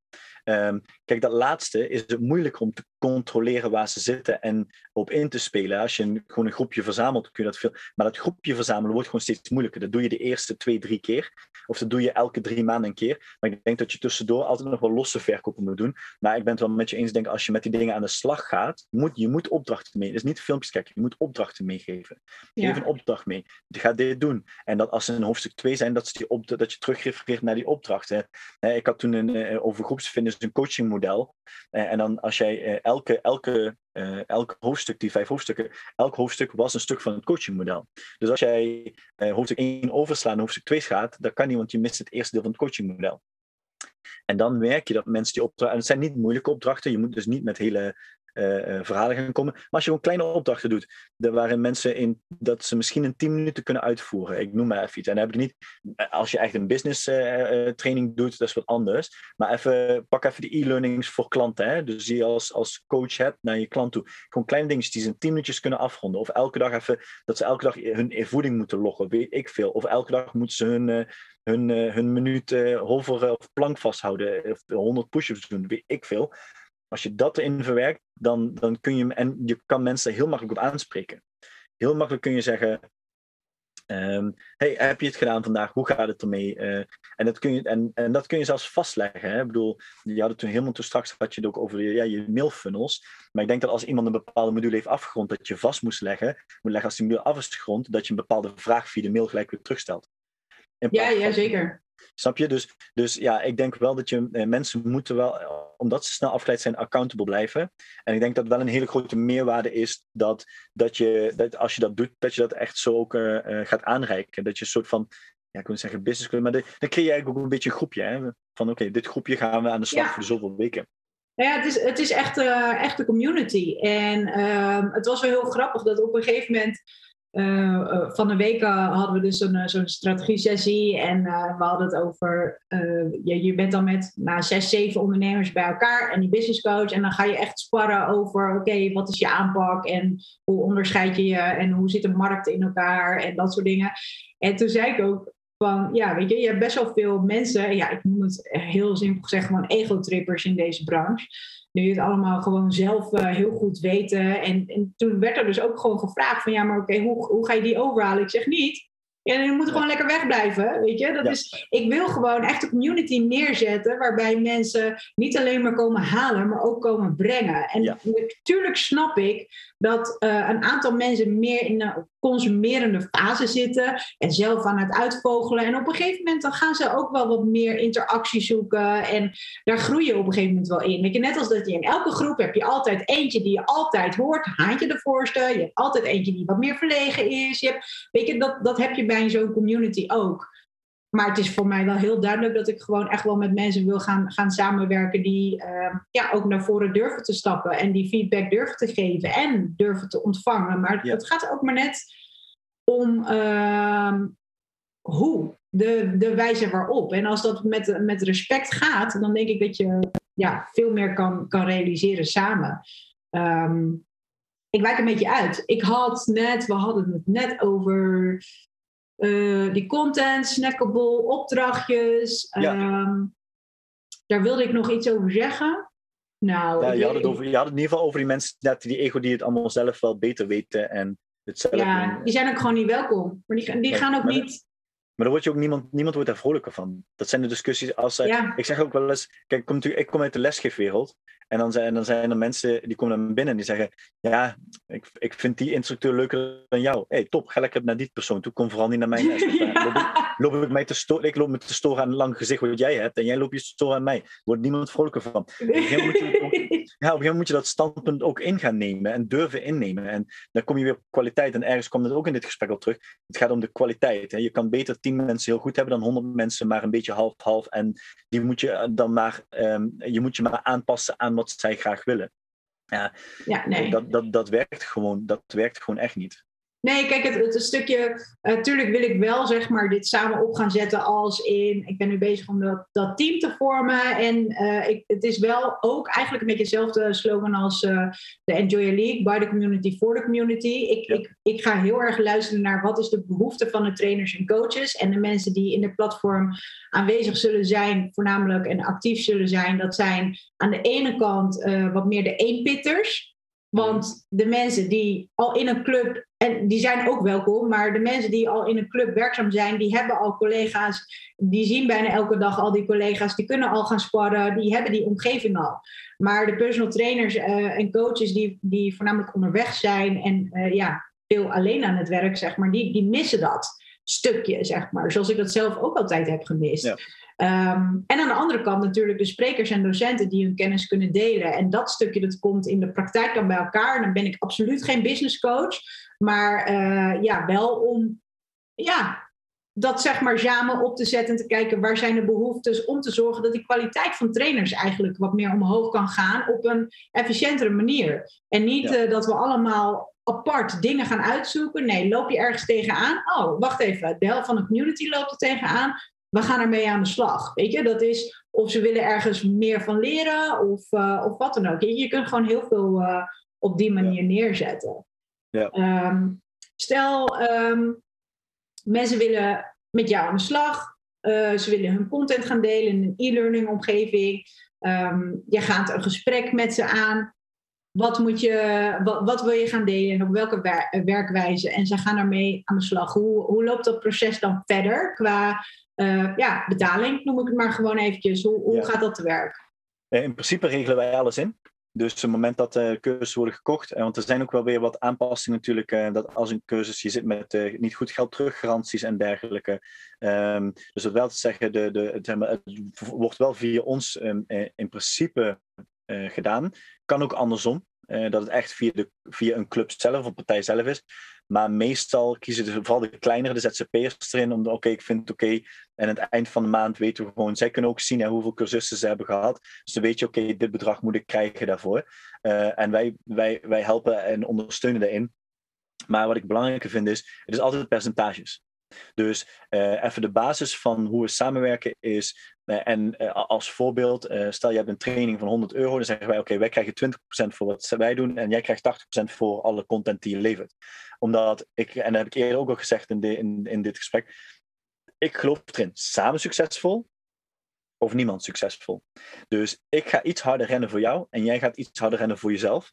Uh, en dan maken we het samen succesvol. Um, tuurlijk kun je er ook voor kiezen om uh, in een beginstadium te zeggen van luister, uh, ik heb ook echt tijd, of ik heb hulp nodig met het editen. Dat kan. Dan kunnen we of het percentage groter maken naar ons, maar dan moeten we ook inschatten wat voor training je online gaat geven, of dat terug te verdienen is. Of je betaalt daar wel eenmalig iets voor. En dan zeggen we, oké, luister, maak deze filmpjes. En dan maken wij wel een mooi editen met een mooi begin, als je een beginmuziekje erop wil, en een eindmuziekje erop wil, en allemaal dat soort zaken. Dat is geen enkel probleem. Uh, maar de basis is eigenlijk, als jij de content levert, we werken met die percentages, maar daarvoor heb je het gehost en alles. En ik denk dat als je kijkt de kosten die je anders zou moeten doen om het voor jezelf met software gaan hosten, het uitzoeken en noem maar op, dat je het eerste jaar heb je er, uh, ja, maar, uh, heb je er meer aan om het via dat percentage via ons te doen, dan om dat zelf helemaal op te gaan zetten, als je dat in, in financiën uit gaat rekenen. Kijk, en, en, en het, het handige is ook dat als je het op een gegeven moment hebt, ga je zelf makkelijker en sneller erin worden. En kunnen we nog sneller erop zetten. Ja, en is, dat is, dan, dan ga je er nog meer uithalen. En ik denk ook wel dat bepaalde trainingen op een gegeven moment enigszins verjagen. Um, ik denk e-learnings moeten wel ook regelmatig geüpdate worden. Omdat, ja goed, je ziet zelf, hè, als je gaat kijken naar tien jaar geleden en nu, als we over voeding praten, er is zoveel verschillende dingen zijn er gebeurd in die tien jaar. Dat zul je, daar zul je ook in mee moeten. Dus die e-learning die ga je niet voor tien jaar verkopen. Dat, dat is gewoon een feit. Dus ik denk als je dan gaat kijken, even nogmaals, de tijd en energie die je er moet steken, dat die 20% best wel meevallen. En dat, nogmaals, ik ben het met jou eens, degene die de content levert, die moet ook het meest betaald krijgen. Ja. Daarvoor hebben we het opgezet. Ja, dat is, dat is um, een heel duidelijk verhaal. en ik, ik, ik ben, ja, op het moment dat je het zeg maar op deze manier kan uitbesteden um, en daar een professional uh, voor inschakelt, denk ik dat het, uh, dat het heel fair is. Um, Moeten zij uh, daar zelfstandig ondernemer voor zijn, de ja of de nee? Want de mensen die hier naar luisteren zijn voornamelijk ja, of wat meer de, de fitness-experts, uh, sprekers, docenten die geïnteresseerd zijn om ook een podium te krijgen. Of het zijn de personal trainers en coaches die dus ja, waarschijnlijk wel als zelfstandig ondernemer werken, maar misschien zit er ook wel een trainer tussen die nu werkzaam is bij een uh, club of, of sportschool en die willen dan vervolgens zelf hun content gaan delen en dan daaruit iets gaan, uh, een onder, onderneming zeg maar, gaan, gaan opbouwen. Stel dat je dat wil gaan doen, luister dan ook eventjes de, een paar podcasts terug. Wat gaat over uh, relatie, concurrentie, beding. Dat is een hele, hele, hele belangrijke. Um, maar goed, stel, stel dat. Moet je daar zelfstandig ondernemer voor zijn? Ja of nee? Nee. Nee, nee ja, ja, kijk, in principe ja. Uh, zou ik zeggen, uh, als je natuurlijk met bepaalde uh, bedragen wil gaan werken en met fees wil werken, maar je hebt systemen als bijvoorbeeld sportverloning die dat ook oplossen.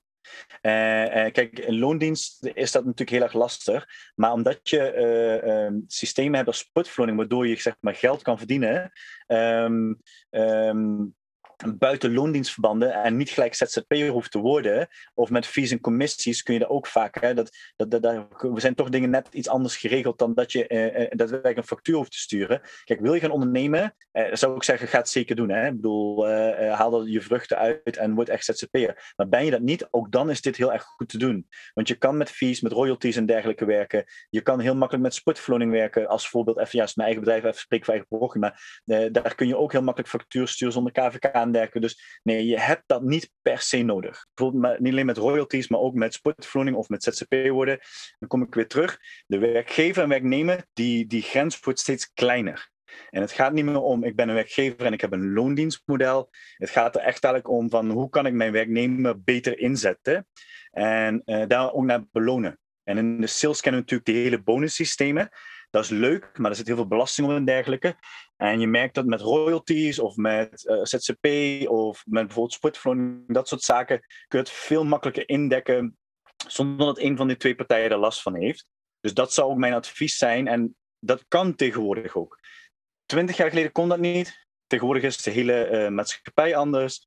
Uh, mensen, gig-economie, mensen bieden zich vaak al aan als bijbaantje, doen side hustles en dergelijke. Dat noem je dan heel modern side hustles. Um, dus ja, er zijn een hele hoop mogelijkheden. Maar je hoeft niet ZZP te zijn. Zit je in loondienst en wil je opties oppakken, doe het gewoon. Doe het gewoon. Er zijn, eh, je kan nogmaals, eens een boek schrijven, er zijn royalty mogelijkheden. Um, of kijk gewoon wat voor andere mogelijkheden zijn om facturen te kunnen sturen. Ja, precies. Ja, dus, dus eigenlijk is er gewoon geen reden om het niet te doen. Nee, nee. En, en, terug, en weer terugkomend je kennis. Ja, weet je, je kan je kennis altijd voor je baas delen. Maar je kan ook de kennis voor jezelf nemen. En, uh, en ik denk dat dat belangrijk is dat je daar ook een shift in moet gaan maken. En uh, ja, kijk, dat is heel modern tegenwoordig. dan ga je werken aan een side hustle, dat je naast je werk ook nog iets verdient. Ja, dat krijg je met die hele gig-economie. Die mogelijkheden gaan er mee, steeds meer komen. En ik noem het altijd de modern werkende.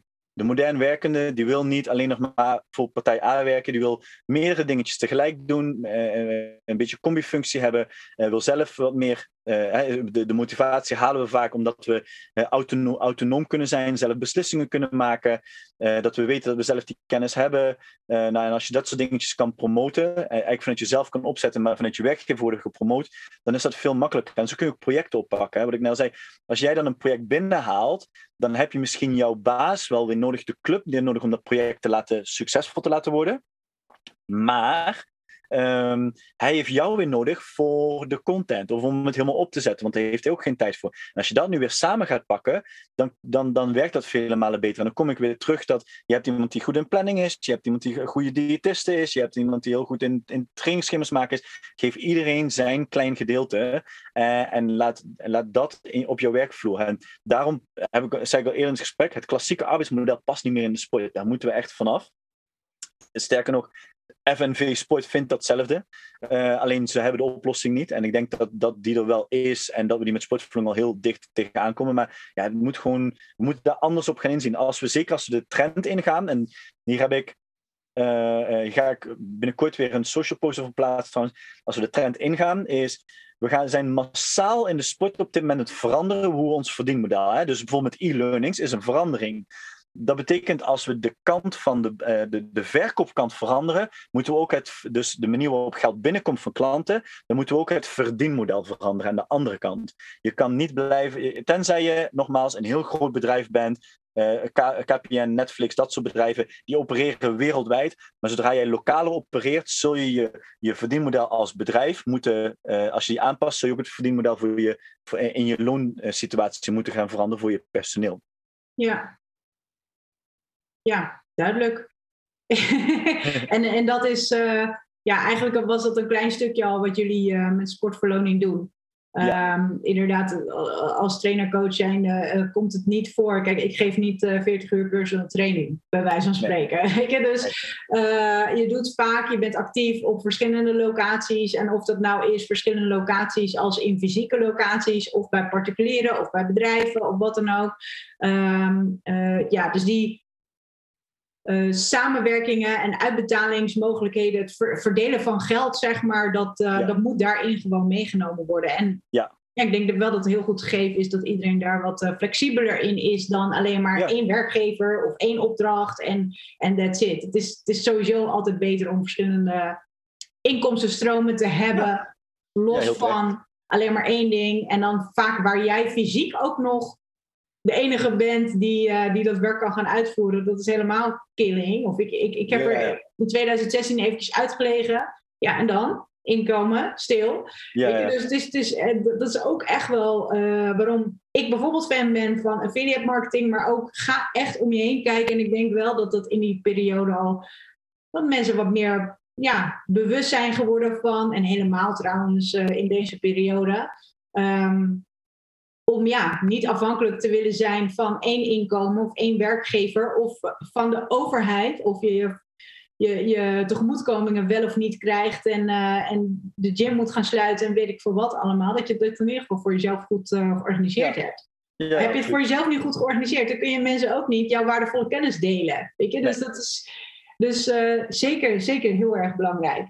Um, even kijken, nog even terug op, op dat e-learning systeem. Nou, je hoeft daar dus niet per se zelfstandig ondernemer voor te zijn. Hoe dan ook, je hebt geen excuus en je kan ermee aan de slag. Um, hoe gaat het met bijvoorbeeld het lanceren van? Daar ben ik wel heel erg nieuwsgierig naar, want zij hebben het gemaakt, maar waarschijnlijk weten ze ook niet echt hoe, hoe, ga ik dat dan op de markt zetten? Ik ken toevallig wel een paar mensen in mijn netwerk die mijn programma willen afnemen. Hoe, hoe kijk je daar tegenaan en wat is jouw ja, nou, wat, En wat ik al zei eerder, is, zeg maar, je moet, het, je moet eh, vaak begint al heel makkelijk om met een soort van webinar te starten, hè, waarin je jouw kennis, maar gebruik ook een ceremoniemeester voor, een host voor. Dat, dat, doen, dat doen wij meestal ook en dat gaan we ook plannen. We weten dat je een bepaalde termijn hebt dat je een e-learning moet gaan verkopen. Dat moet niet te lang zijn, ook naar een webinar toe, naar die start toe. Dat moet niet te lang zijn, omdat mensen, zeker tegenwoordig, veel makkelijker zeggen: Oh, is er deze week een webinar? Dan doe ik hem deze week mee. Ze zeggen niet: Oh, over een maand is een webinar, dan zijn ze alweer vergeten. Nou, dat proces ook, daar steunen wij in. Maar sterker nog, ook in die, in die weg naar. Ehm, van de verkoop, daar helpen we je mee. Dan gaan we kijken, kijk, je hebt ook een stukje klanten zelf. Dan gaan we kijken, oké, dit is een bericht, dit kun jij op social media plaatsen. Dit is een bericht, dat kun je naar je WhatsApp-contacten sturen. Dit is een bericht, dat kun je op social media in een DM sturen naar mensen. Dit is een mail die er van ons uitgaat, dit is een mail die er van jou uitgaat. Dus al die dingen wordt, wordt je mee geholpen.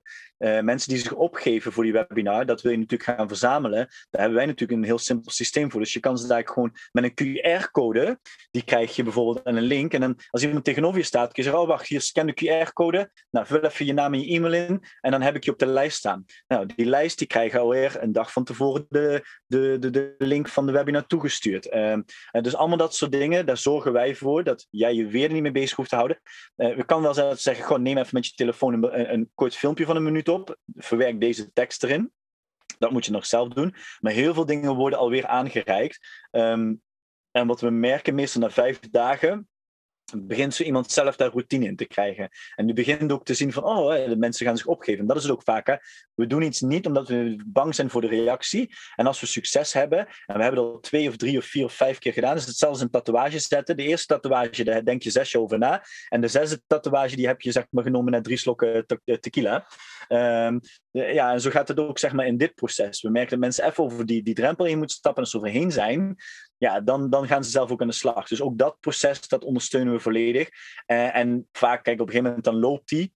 Uh, en dan wel vaak bijvoorbeeld na twee of drie maanden kan het wel zijn dat we weer contact opnemen. Ze zeggen van, goh, we merken dat hij nu daalt. Of we hebben toen een piek gehad. zullen we niet nog eens kijken wat we samen kunnen doen? Of samen kunnen opstarten? en dan kunnen we, moeten we iets vernieuwen. Dus zo blijven we wel constant ook bezig met die ondernemer. Um, niet om alles uit handen te nemen, maar wel om hem net die handvaten te geven, zodat hij er zelf mee aan de slag kan blijven gaan. Oh, wauw. Dus je, je ja, onderhoudt ook contact, zeg maar. Het is niet per se een eenmalige actie, los van het feit dat bepaalde um, uh, video's of content, dat moet wel up-to-date zijn. Maar dat hou je dus ook in de gaten. En je houdt de verkoop dus ook in de gaten om te kijken, oké, is het misschien nodig om weer, ik noem het even, een tweede lancering te doen? Of uh, daar, daar, uh, daar hebben jullie aandacht voor. Ja, ja, en hetzelfde staat, okay, we doen echt maandelijks bijvoorbeeld betaling. Dus een moment krijg je, aan het eind van de maand krijg je van mij, kijk, dat weet je zelf ook, want je weet hoeveel cursisten dat je in, je in je training hebt. Nou, we hebben zoveel cursisten en dat zal als het goed is overeenkomen. Dus je mag dit bedrag, mag je even een factuur versturen, krijg je het ook meteen betaald. Ik bedoel, wij krijgen een ideal betaling ook meteen betaald. Dus dan vind ik het onzin om 14 dagen te wachten. Dan vind ik als je dan een factuur stuurt, moet je ook meteen betaald kunnen krijgen. Maar al die contactmomenten zorgen ook weer voor dat je kunt zeggen van, goh, hey, hij loopt nu goed, hè, we laten hem nog even zo doorlopen. Uh, is er nog iets wat je wil veranderen? Uh, kunnen we nog, en zo proberen we constant proberen we wel het contact te houden. Uh, en ik denk dat dat wel heel erg belangrijk is. Dat dat vertrouwen er is van oké, zo loopt het, er wordt meegekeken. En de beslissingen liggen aan de andere kant, bij de andere partij. Ehm, we hadden nu we hadden, een training over financiële vrijheid. En eh, ik vind dat financiële gezondheid ook bij vitaliteit thuis hoort. Um, en dus op een gegeven moment um, ben ik dan, was ik bij een bedrijf en die wilde een vitaliteitsdag organiseren. En toen zei ik van, ja, we zijn drie topics. Hè, voeding, um, voeding, slaap en training. En bewegen, eigenlijk training bewegen. maar ik vind eigenlijk dat er een vierde topic bij hoort. Ik heb een hele goede spreker en dat gaat over financiële gezondheid. En het grappige was dat hij zei, ja, ja, moeten we doen. Want blijkbaar had hij best wel ongeveer zoveel procent van de medewerkers, daar weten we van, zitten financiële schulden. En als je die gewoon wat tips kan geven, niet direct, maar in, aan groep over dingen kan praten en dingen kan laten zien, ja, dan, dan zo iemand in plaats van dat hij naar huis gaat, en nu zijn ze thuis, hè, zijn ze thuis aan het werken en zien ze de envelop nog veel eerder van een bepaalde schuld. Dan, eh, dan gaan ze zich wel prettiger voelen. Ze, eh, in plaats van dat ze elke nacht slecht slapen.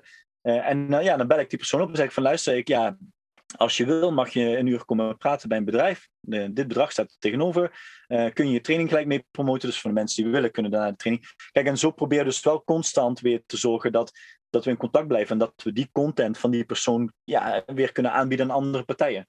Ja, ja, dat kwam. Uh, je, je maakt een heel mooi bruggetje naar het volgende wat ik eventjes aan wilde stippen, uh, tikken, tippen. nou ja, ja. is nou wat ik bedoel, ehm, is uh, dat je dus ook wel een, een soort van bemiddelende rol hebt. Want er zijn bedrijven die dus hun content uh, ja, de wereld in willen, willen trappen, zeg maar. En jij faciliteert dat, jij begeleidt ze daarin waar nodig. Aan de andere kant heb je natuurlijk ook, uh, ja, je, je kent ondertussen wel de bedrijven met wie je al samenwerkt, maar je kent ook weer de klanten daarvan. Niet per se persoonlijk, maar je weet wel, ja, je zit midden in die vijver, zeg maar. Ja. Um, Dus het kan ook zijn dat er ja, een soort van kruising gaat gebeuren tussen klanten die jij al hebt geholpen of nieuwe pakketten die er ontstaan. Uh, daar bemiddel jij dus ook in.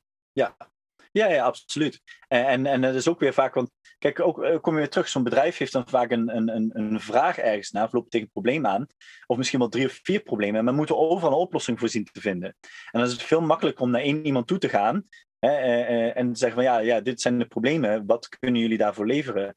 Um, we hadden, hadden een bedrijf met vrachtwagenchauffeurs.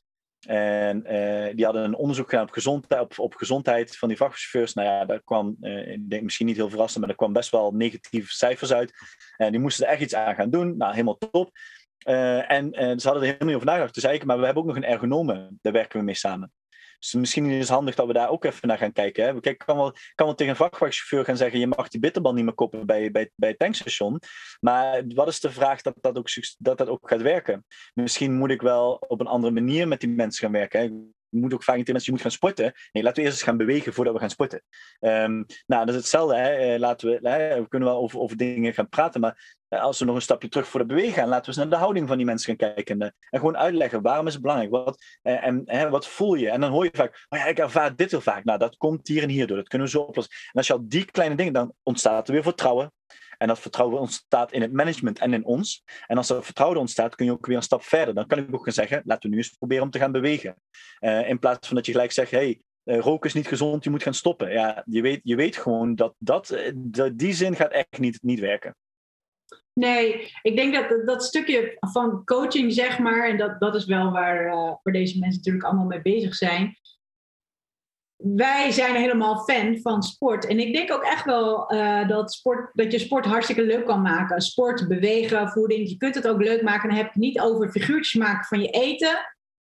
Maar... Ja, ja, die had je dus ook al gezien. Oh, nee, maar ik heb het dan gewoon echt over uh, ja, die hele kleine stapjes. En mensen moeten eerst beseffen uh, bewust, nee, niet beseffen, bewust worden van hetgeen wat ze doen. Hun patronen, de dagelijkse patronen. En dan daar aanschakelen van oké, dit kan eigenlijk ietsje beter. En dan ben jij als trainer-coach zijnde. En dit is een betere stap die je kunt gaan nemen. En ook niet 10.000 dingen tegelijk willen veranderen. Want mensen die gaan dat niet volhouden. En dan geef ik altijd één voorbeeld. Uh, wat dan moest ik uh, laatst ook weer geven, vorige week nog. Van stel, Jij ehm, gaat kijken naar welke, als je de trap oploopt, welke stap, welke voet zet je eerst? Is dat je rechtervoet of is dat je linkervoet? En ga daar gewoon eventjes naar kijken. En uh, probeer dan, dan ben je daar bewust van. Nu ga je proberen om een week lang alleen maar in plaats van eerst je rechtervoet, je linkervoet erop te zetten. Nee. Eén, fucking simpel treden als je daar al, dat en dan zeg ik van, dat is één verandering. Maar mensen die proberen en hun voeding en eten en dit en dat, maar dat gaan ze niet volhouden. En ik ben ook, ik hou soms echt wel een beetje mijn hart vast. Ehm, los van dat het hartstikke tof is natuurlijk dat al die gyms weer open zijn. Maar mensen en coaches, alsjeblieft, zorg ervoor dat die mensen niet in één keer weer volop aan die gewichten gaan lopen trekken en shorten en die belastbaarheid die moet gewoon weer opgebouwd worden. En het is echt niet zo dat je gewoon weer verder kan gaan waar je vorig jaar gebleven was. Want het lichaam vindt dat echt, echt niet tof. Nee. Dus uh, ja, het is echt een, een, groot, een heel, hele grote verantwoordelijke rol voor de coaches en trainers om dat in de goede banen met kleine stapjes te gaan begeleiden, zeg maar. Ja. Ja, um, hoe kom ik hierop? Soms ga ik ja, ja, op. Ja, ja nou, nou, we hadden natuurlijk ja, we, hadden het over de processen. En um, de, die middelrol die wij natuurlijk in, in, innemen als, als bedrijf. En toen kwamen we natuurlijk op die vrachtwagenchauffeurs. En, ja, wij zoeken net wel dan de juiste persoon die op dat moment de meeste impact, weer terug impact, impact kan hebben. De grootste impact. En die grootste impact ligt niet inderdaad in dat hele mooie trainingsschema. Dat grootste impact ligt in die kleine details die mensen gelijk kunnen voelen en doorvoelen, voeren. Ehm, en dan kom je weer terug op die grijze olifant. soms is het heel belangrijk om gewoon mensen te vertellen dat een olifant grijs is. Om, om ze bewust te maken. en je wil niet weten hoeveel mensen dat daar echt nog van achterover slaan. Ja, precies. Dat is, dat is een hele goede. De grijze olifant. Ja. Ehm, is er een doelgroep wat, uh, waarvoor dit minder geschikt is? Zeg maar, uh, trainers en coaches, die luisteren hier voornamelijk naar. Is er een doelgroep of een topic waarvan je denkt van nou oké, die, die zou ik dan al eigenlijk meteen die kant op verwijzen? Of kan elke trainer coach die content heeft, die waardevol is, bij jullie terecht? Um, ik denk al, het, het is, kijk, het enige wat je natuurlijk ziet is hoe specifieker de informatie, ja. hoe kleiner, hoe kleiner de, ja, hoe ga je een niche, hoe kleiner de, de, de, de doelgroep. Dat is denk ik heel belangrijk om te onthouden. Hoe globaler de informatie, hoe groter de doelgroep. Als voorbeeldje, we hadden nu uh, we hebben nu die training Bitcoin die nu deze week online is gekomen. Ja, dat, dat, is niet iets waarvan wij zeggen, daar gaan we echt volop scoren. Maar die persoon vindt dat gewoon heel interessant en die wou gewoon een stoomcursus geven. Je leert niet wat je moet doen met Bitcoin, maar je leert gewoon wat het nu is. Van oké, hoe zit het nu? En, nou, en, maar dan weet je ook, dat, ja, dan, dan, dan vertellen we ook van tevoren, ja, dat is een kleinere doelgroep. Kijk, vaak, heel eerlijk, met gezondheid heb je een best wel grote doelgroep te pakken. Ook steeds meer bedrijven die je heel makkelijk te pakken hebt. Uh, ik vind dat financiële gezondheid uh, vind ik nog altijd iets wat best wel uh, veel meer onder de aandacht gebracht moet worden. Want dat is best wel een belangrijk punt als we het hebben over mentale fitheid, wat daar invloed op heeft. Maar dat zijn wel dingen die, um, die ook soms zo pijnlijk zijn voor mensen dat ze niet direct durven op te staan daarvoor. Dus um, het is misschien ook wel een beetje zelfs in een psychologie en dergelijke. Als iemand echt een bepaalde pijn heeft, dan, uh, die, die, dan, dan, dan is soms gewoon één op één alleen het belangrijkste. Je, je kan niet, uh, laten we zeggen, rouwverwerking kun je denk ik niet via een e-learning uh, afhandelen. Ja, zo, misschien kan het wel, weet ik niet. Ik heb het nooit geprobeerd, maar ik denk dat, denk dat daar hele andere processen bij moeten komen kijken en, en het sociale contact één op één belangrijk is. Maar als het wat globalere kennis is, denk ik dat je, dat, dat, dat je bijna alles kan, kan verkopen. Uh, ja. zolang, jij maar wel relevant bent en jouw kennis relevant is. Dus als jij hebt laten zien dat je die kennis hebt en mensen weten, oh, dit kon wel eens interessant worden, want dit, het gesprek is altijd al interessant met hem, dus ik weet dat dit goed gaat komen, ja, dan, dan is het inderdaad wel, uh, dan, dan hoef je daar niet zo'n zorgen om te maken. Ja. Maar nogmaals, als je echt, uh, ja, dan kom je bij, bij psychologie of bij, bij en dan pak. Ja, weet ik niet. Ik weet wel dat we, hebben een training um, in verband met echtscheiding. En dan niet zozeer uh, deze deze voor jou deze is voor mij, maar meer van uh, hè, mentale proces, het, het, ook weer het, het, het emotionele proces waarin komt zitten. Dat kan online ja, blijkbaar wel nog heel erg goed, maar wel vaak aansluitend toch met één op één sessies.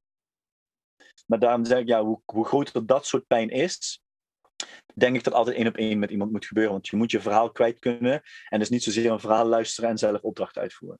Ja. ja, maar het kan natuurlijk een opstapje zijn naar, hè? Ja, op het moment absoluut. dat mensen gaan ervaren dat een bepaald topic wat best gevoelig is, um, alsnog wel besproken wordt en dus wat minder als taboe gezien wordt, zeg maar. Hè, dat er aandacht voor is, dan durven mensen vaker ook gewoon net even wat meer uh, zichzelf open te stellen. En dus, oh, ik ben niet de enige. En dan uh, staan ze wat sneller open om, uh, Ja. Om daarmee aan de slag te gaan. hey, wij gaan ehm, afronden, helaas. Maar Ja, ik- anders wordt het echt too much information Ja, voor al ja. die lijken. Ja, en ik, ik was er ook een beetje bang voor dat wij, zeg maar, ik denk dat, dat als wij, dat wij zes sessies kunnen opnemen, en, eh, over productiviteit, over loonmodellen, over dit soort dingen, over de toekomst van eh, eh, de, de platform en dergelijke, want ja, wat jullie doen. Dus, dus ja, ik, ik, ik vind dat een heel interessant gesprek. Ik vond het heel leuk om deze gesprekken te voeren.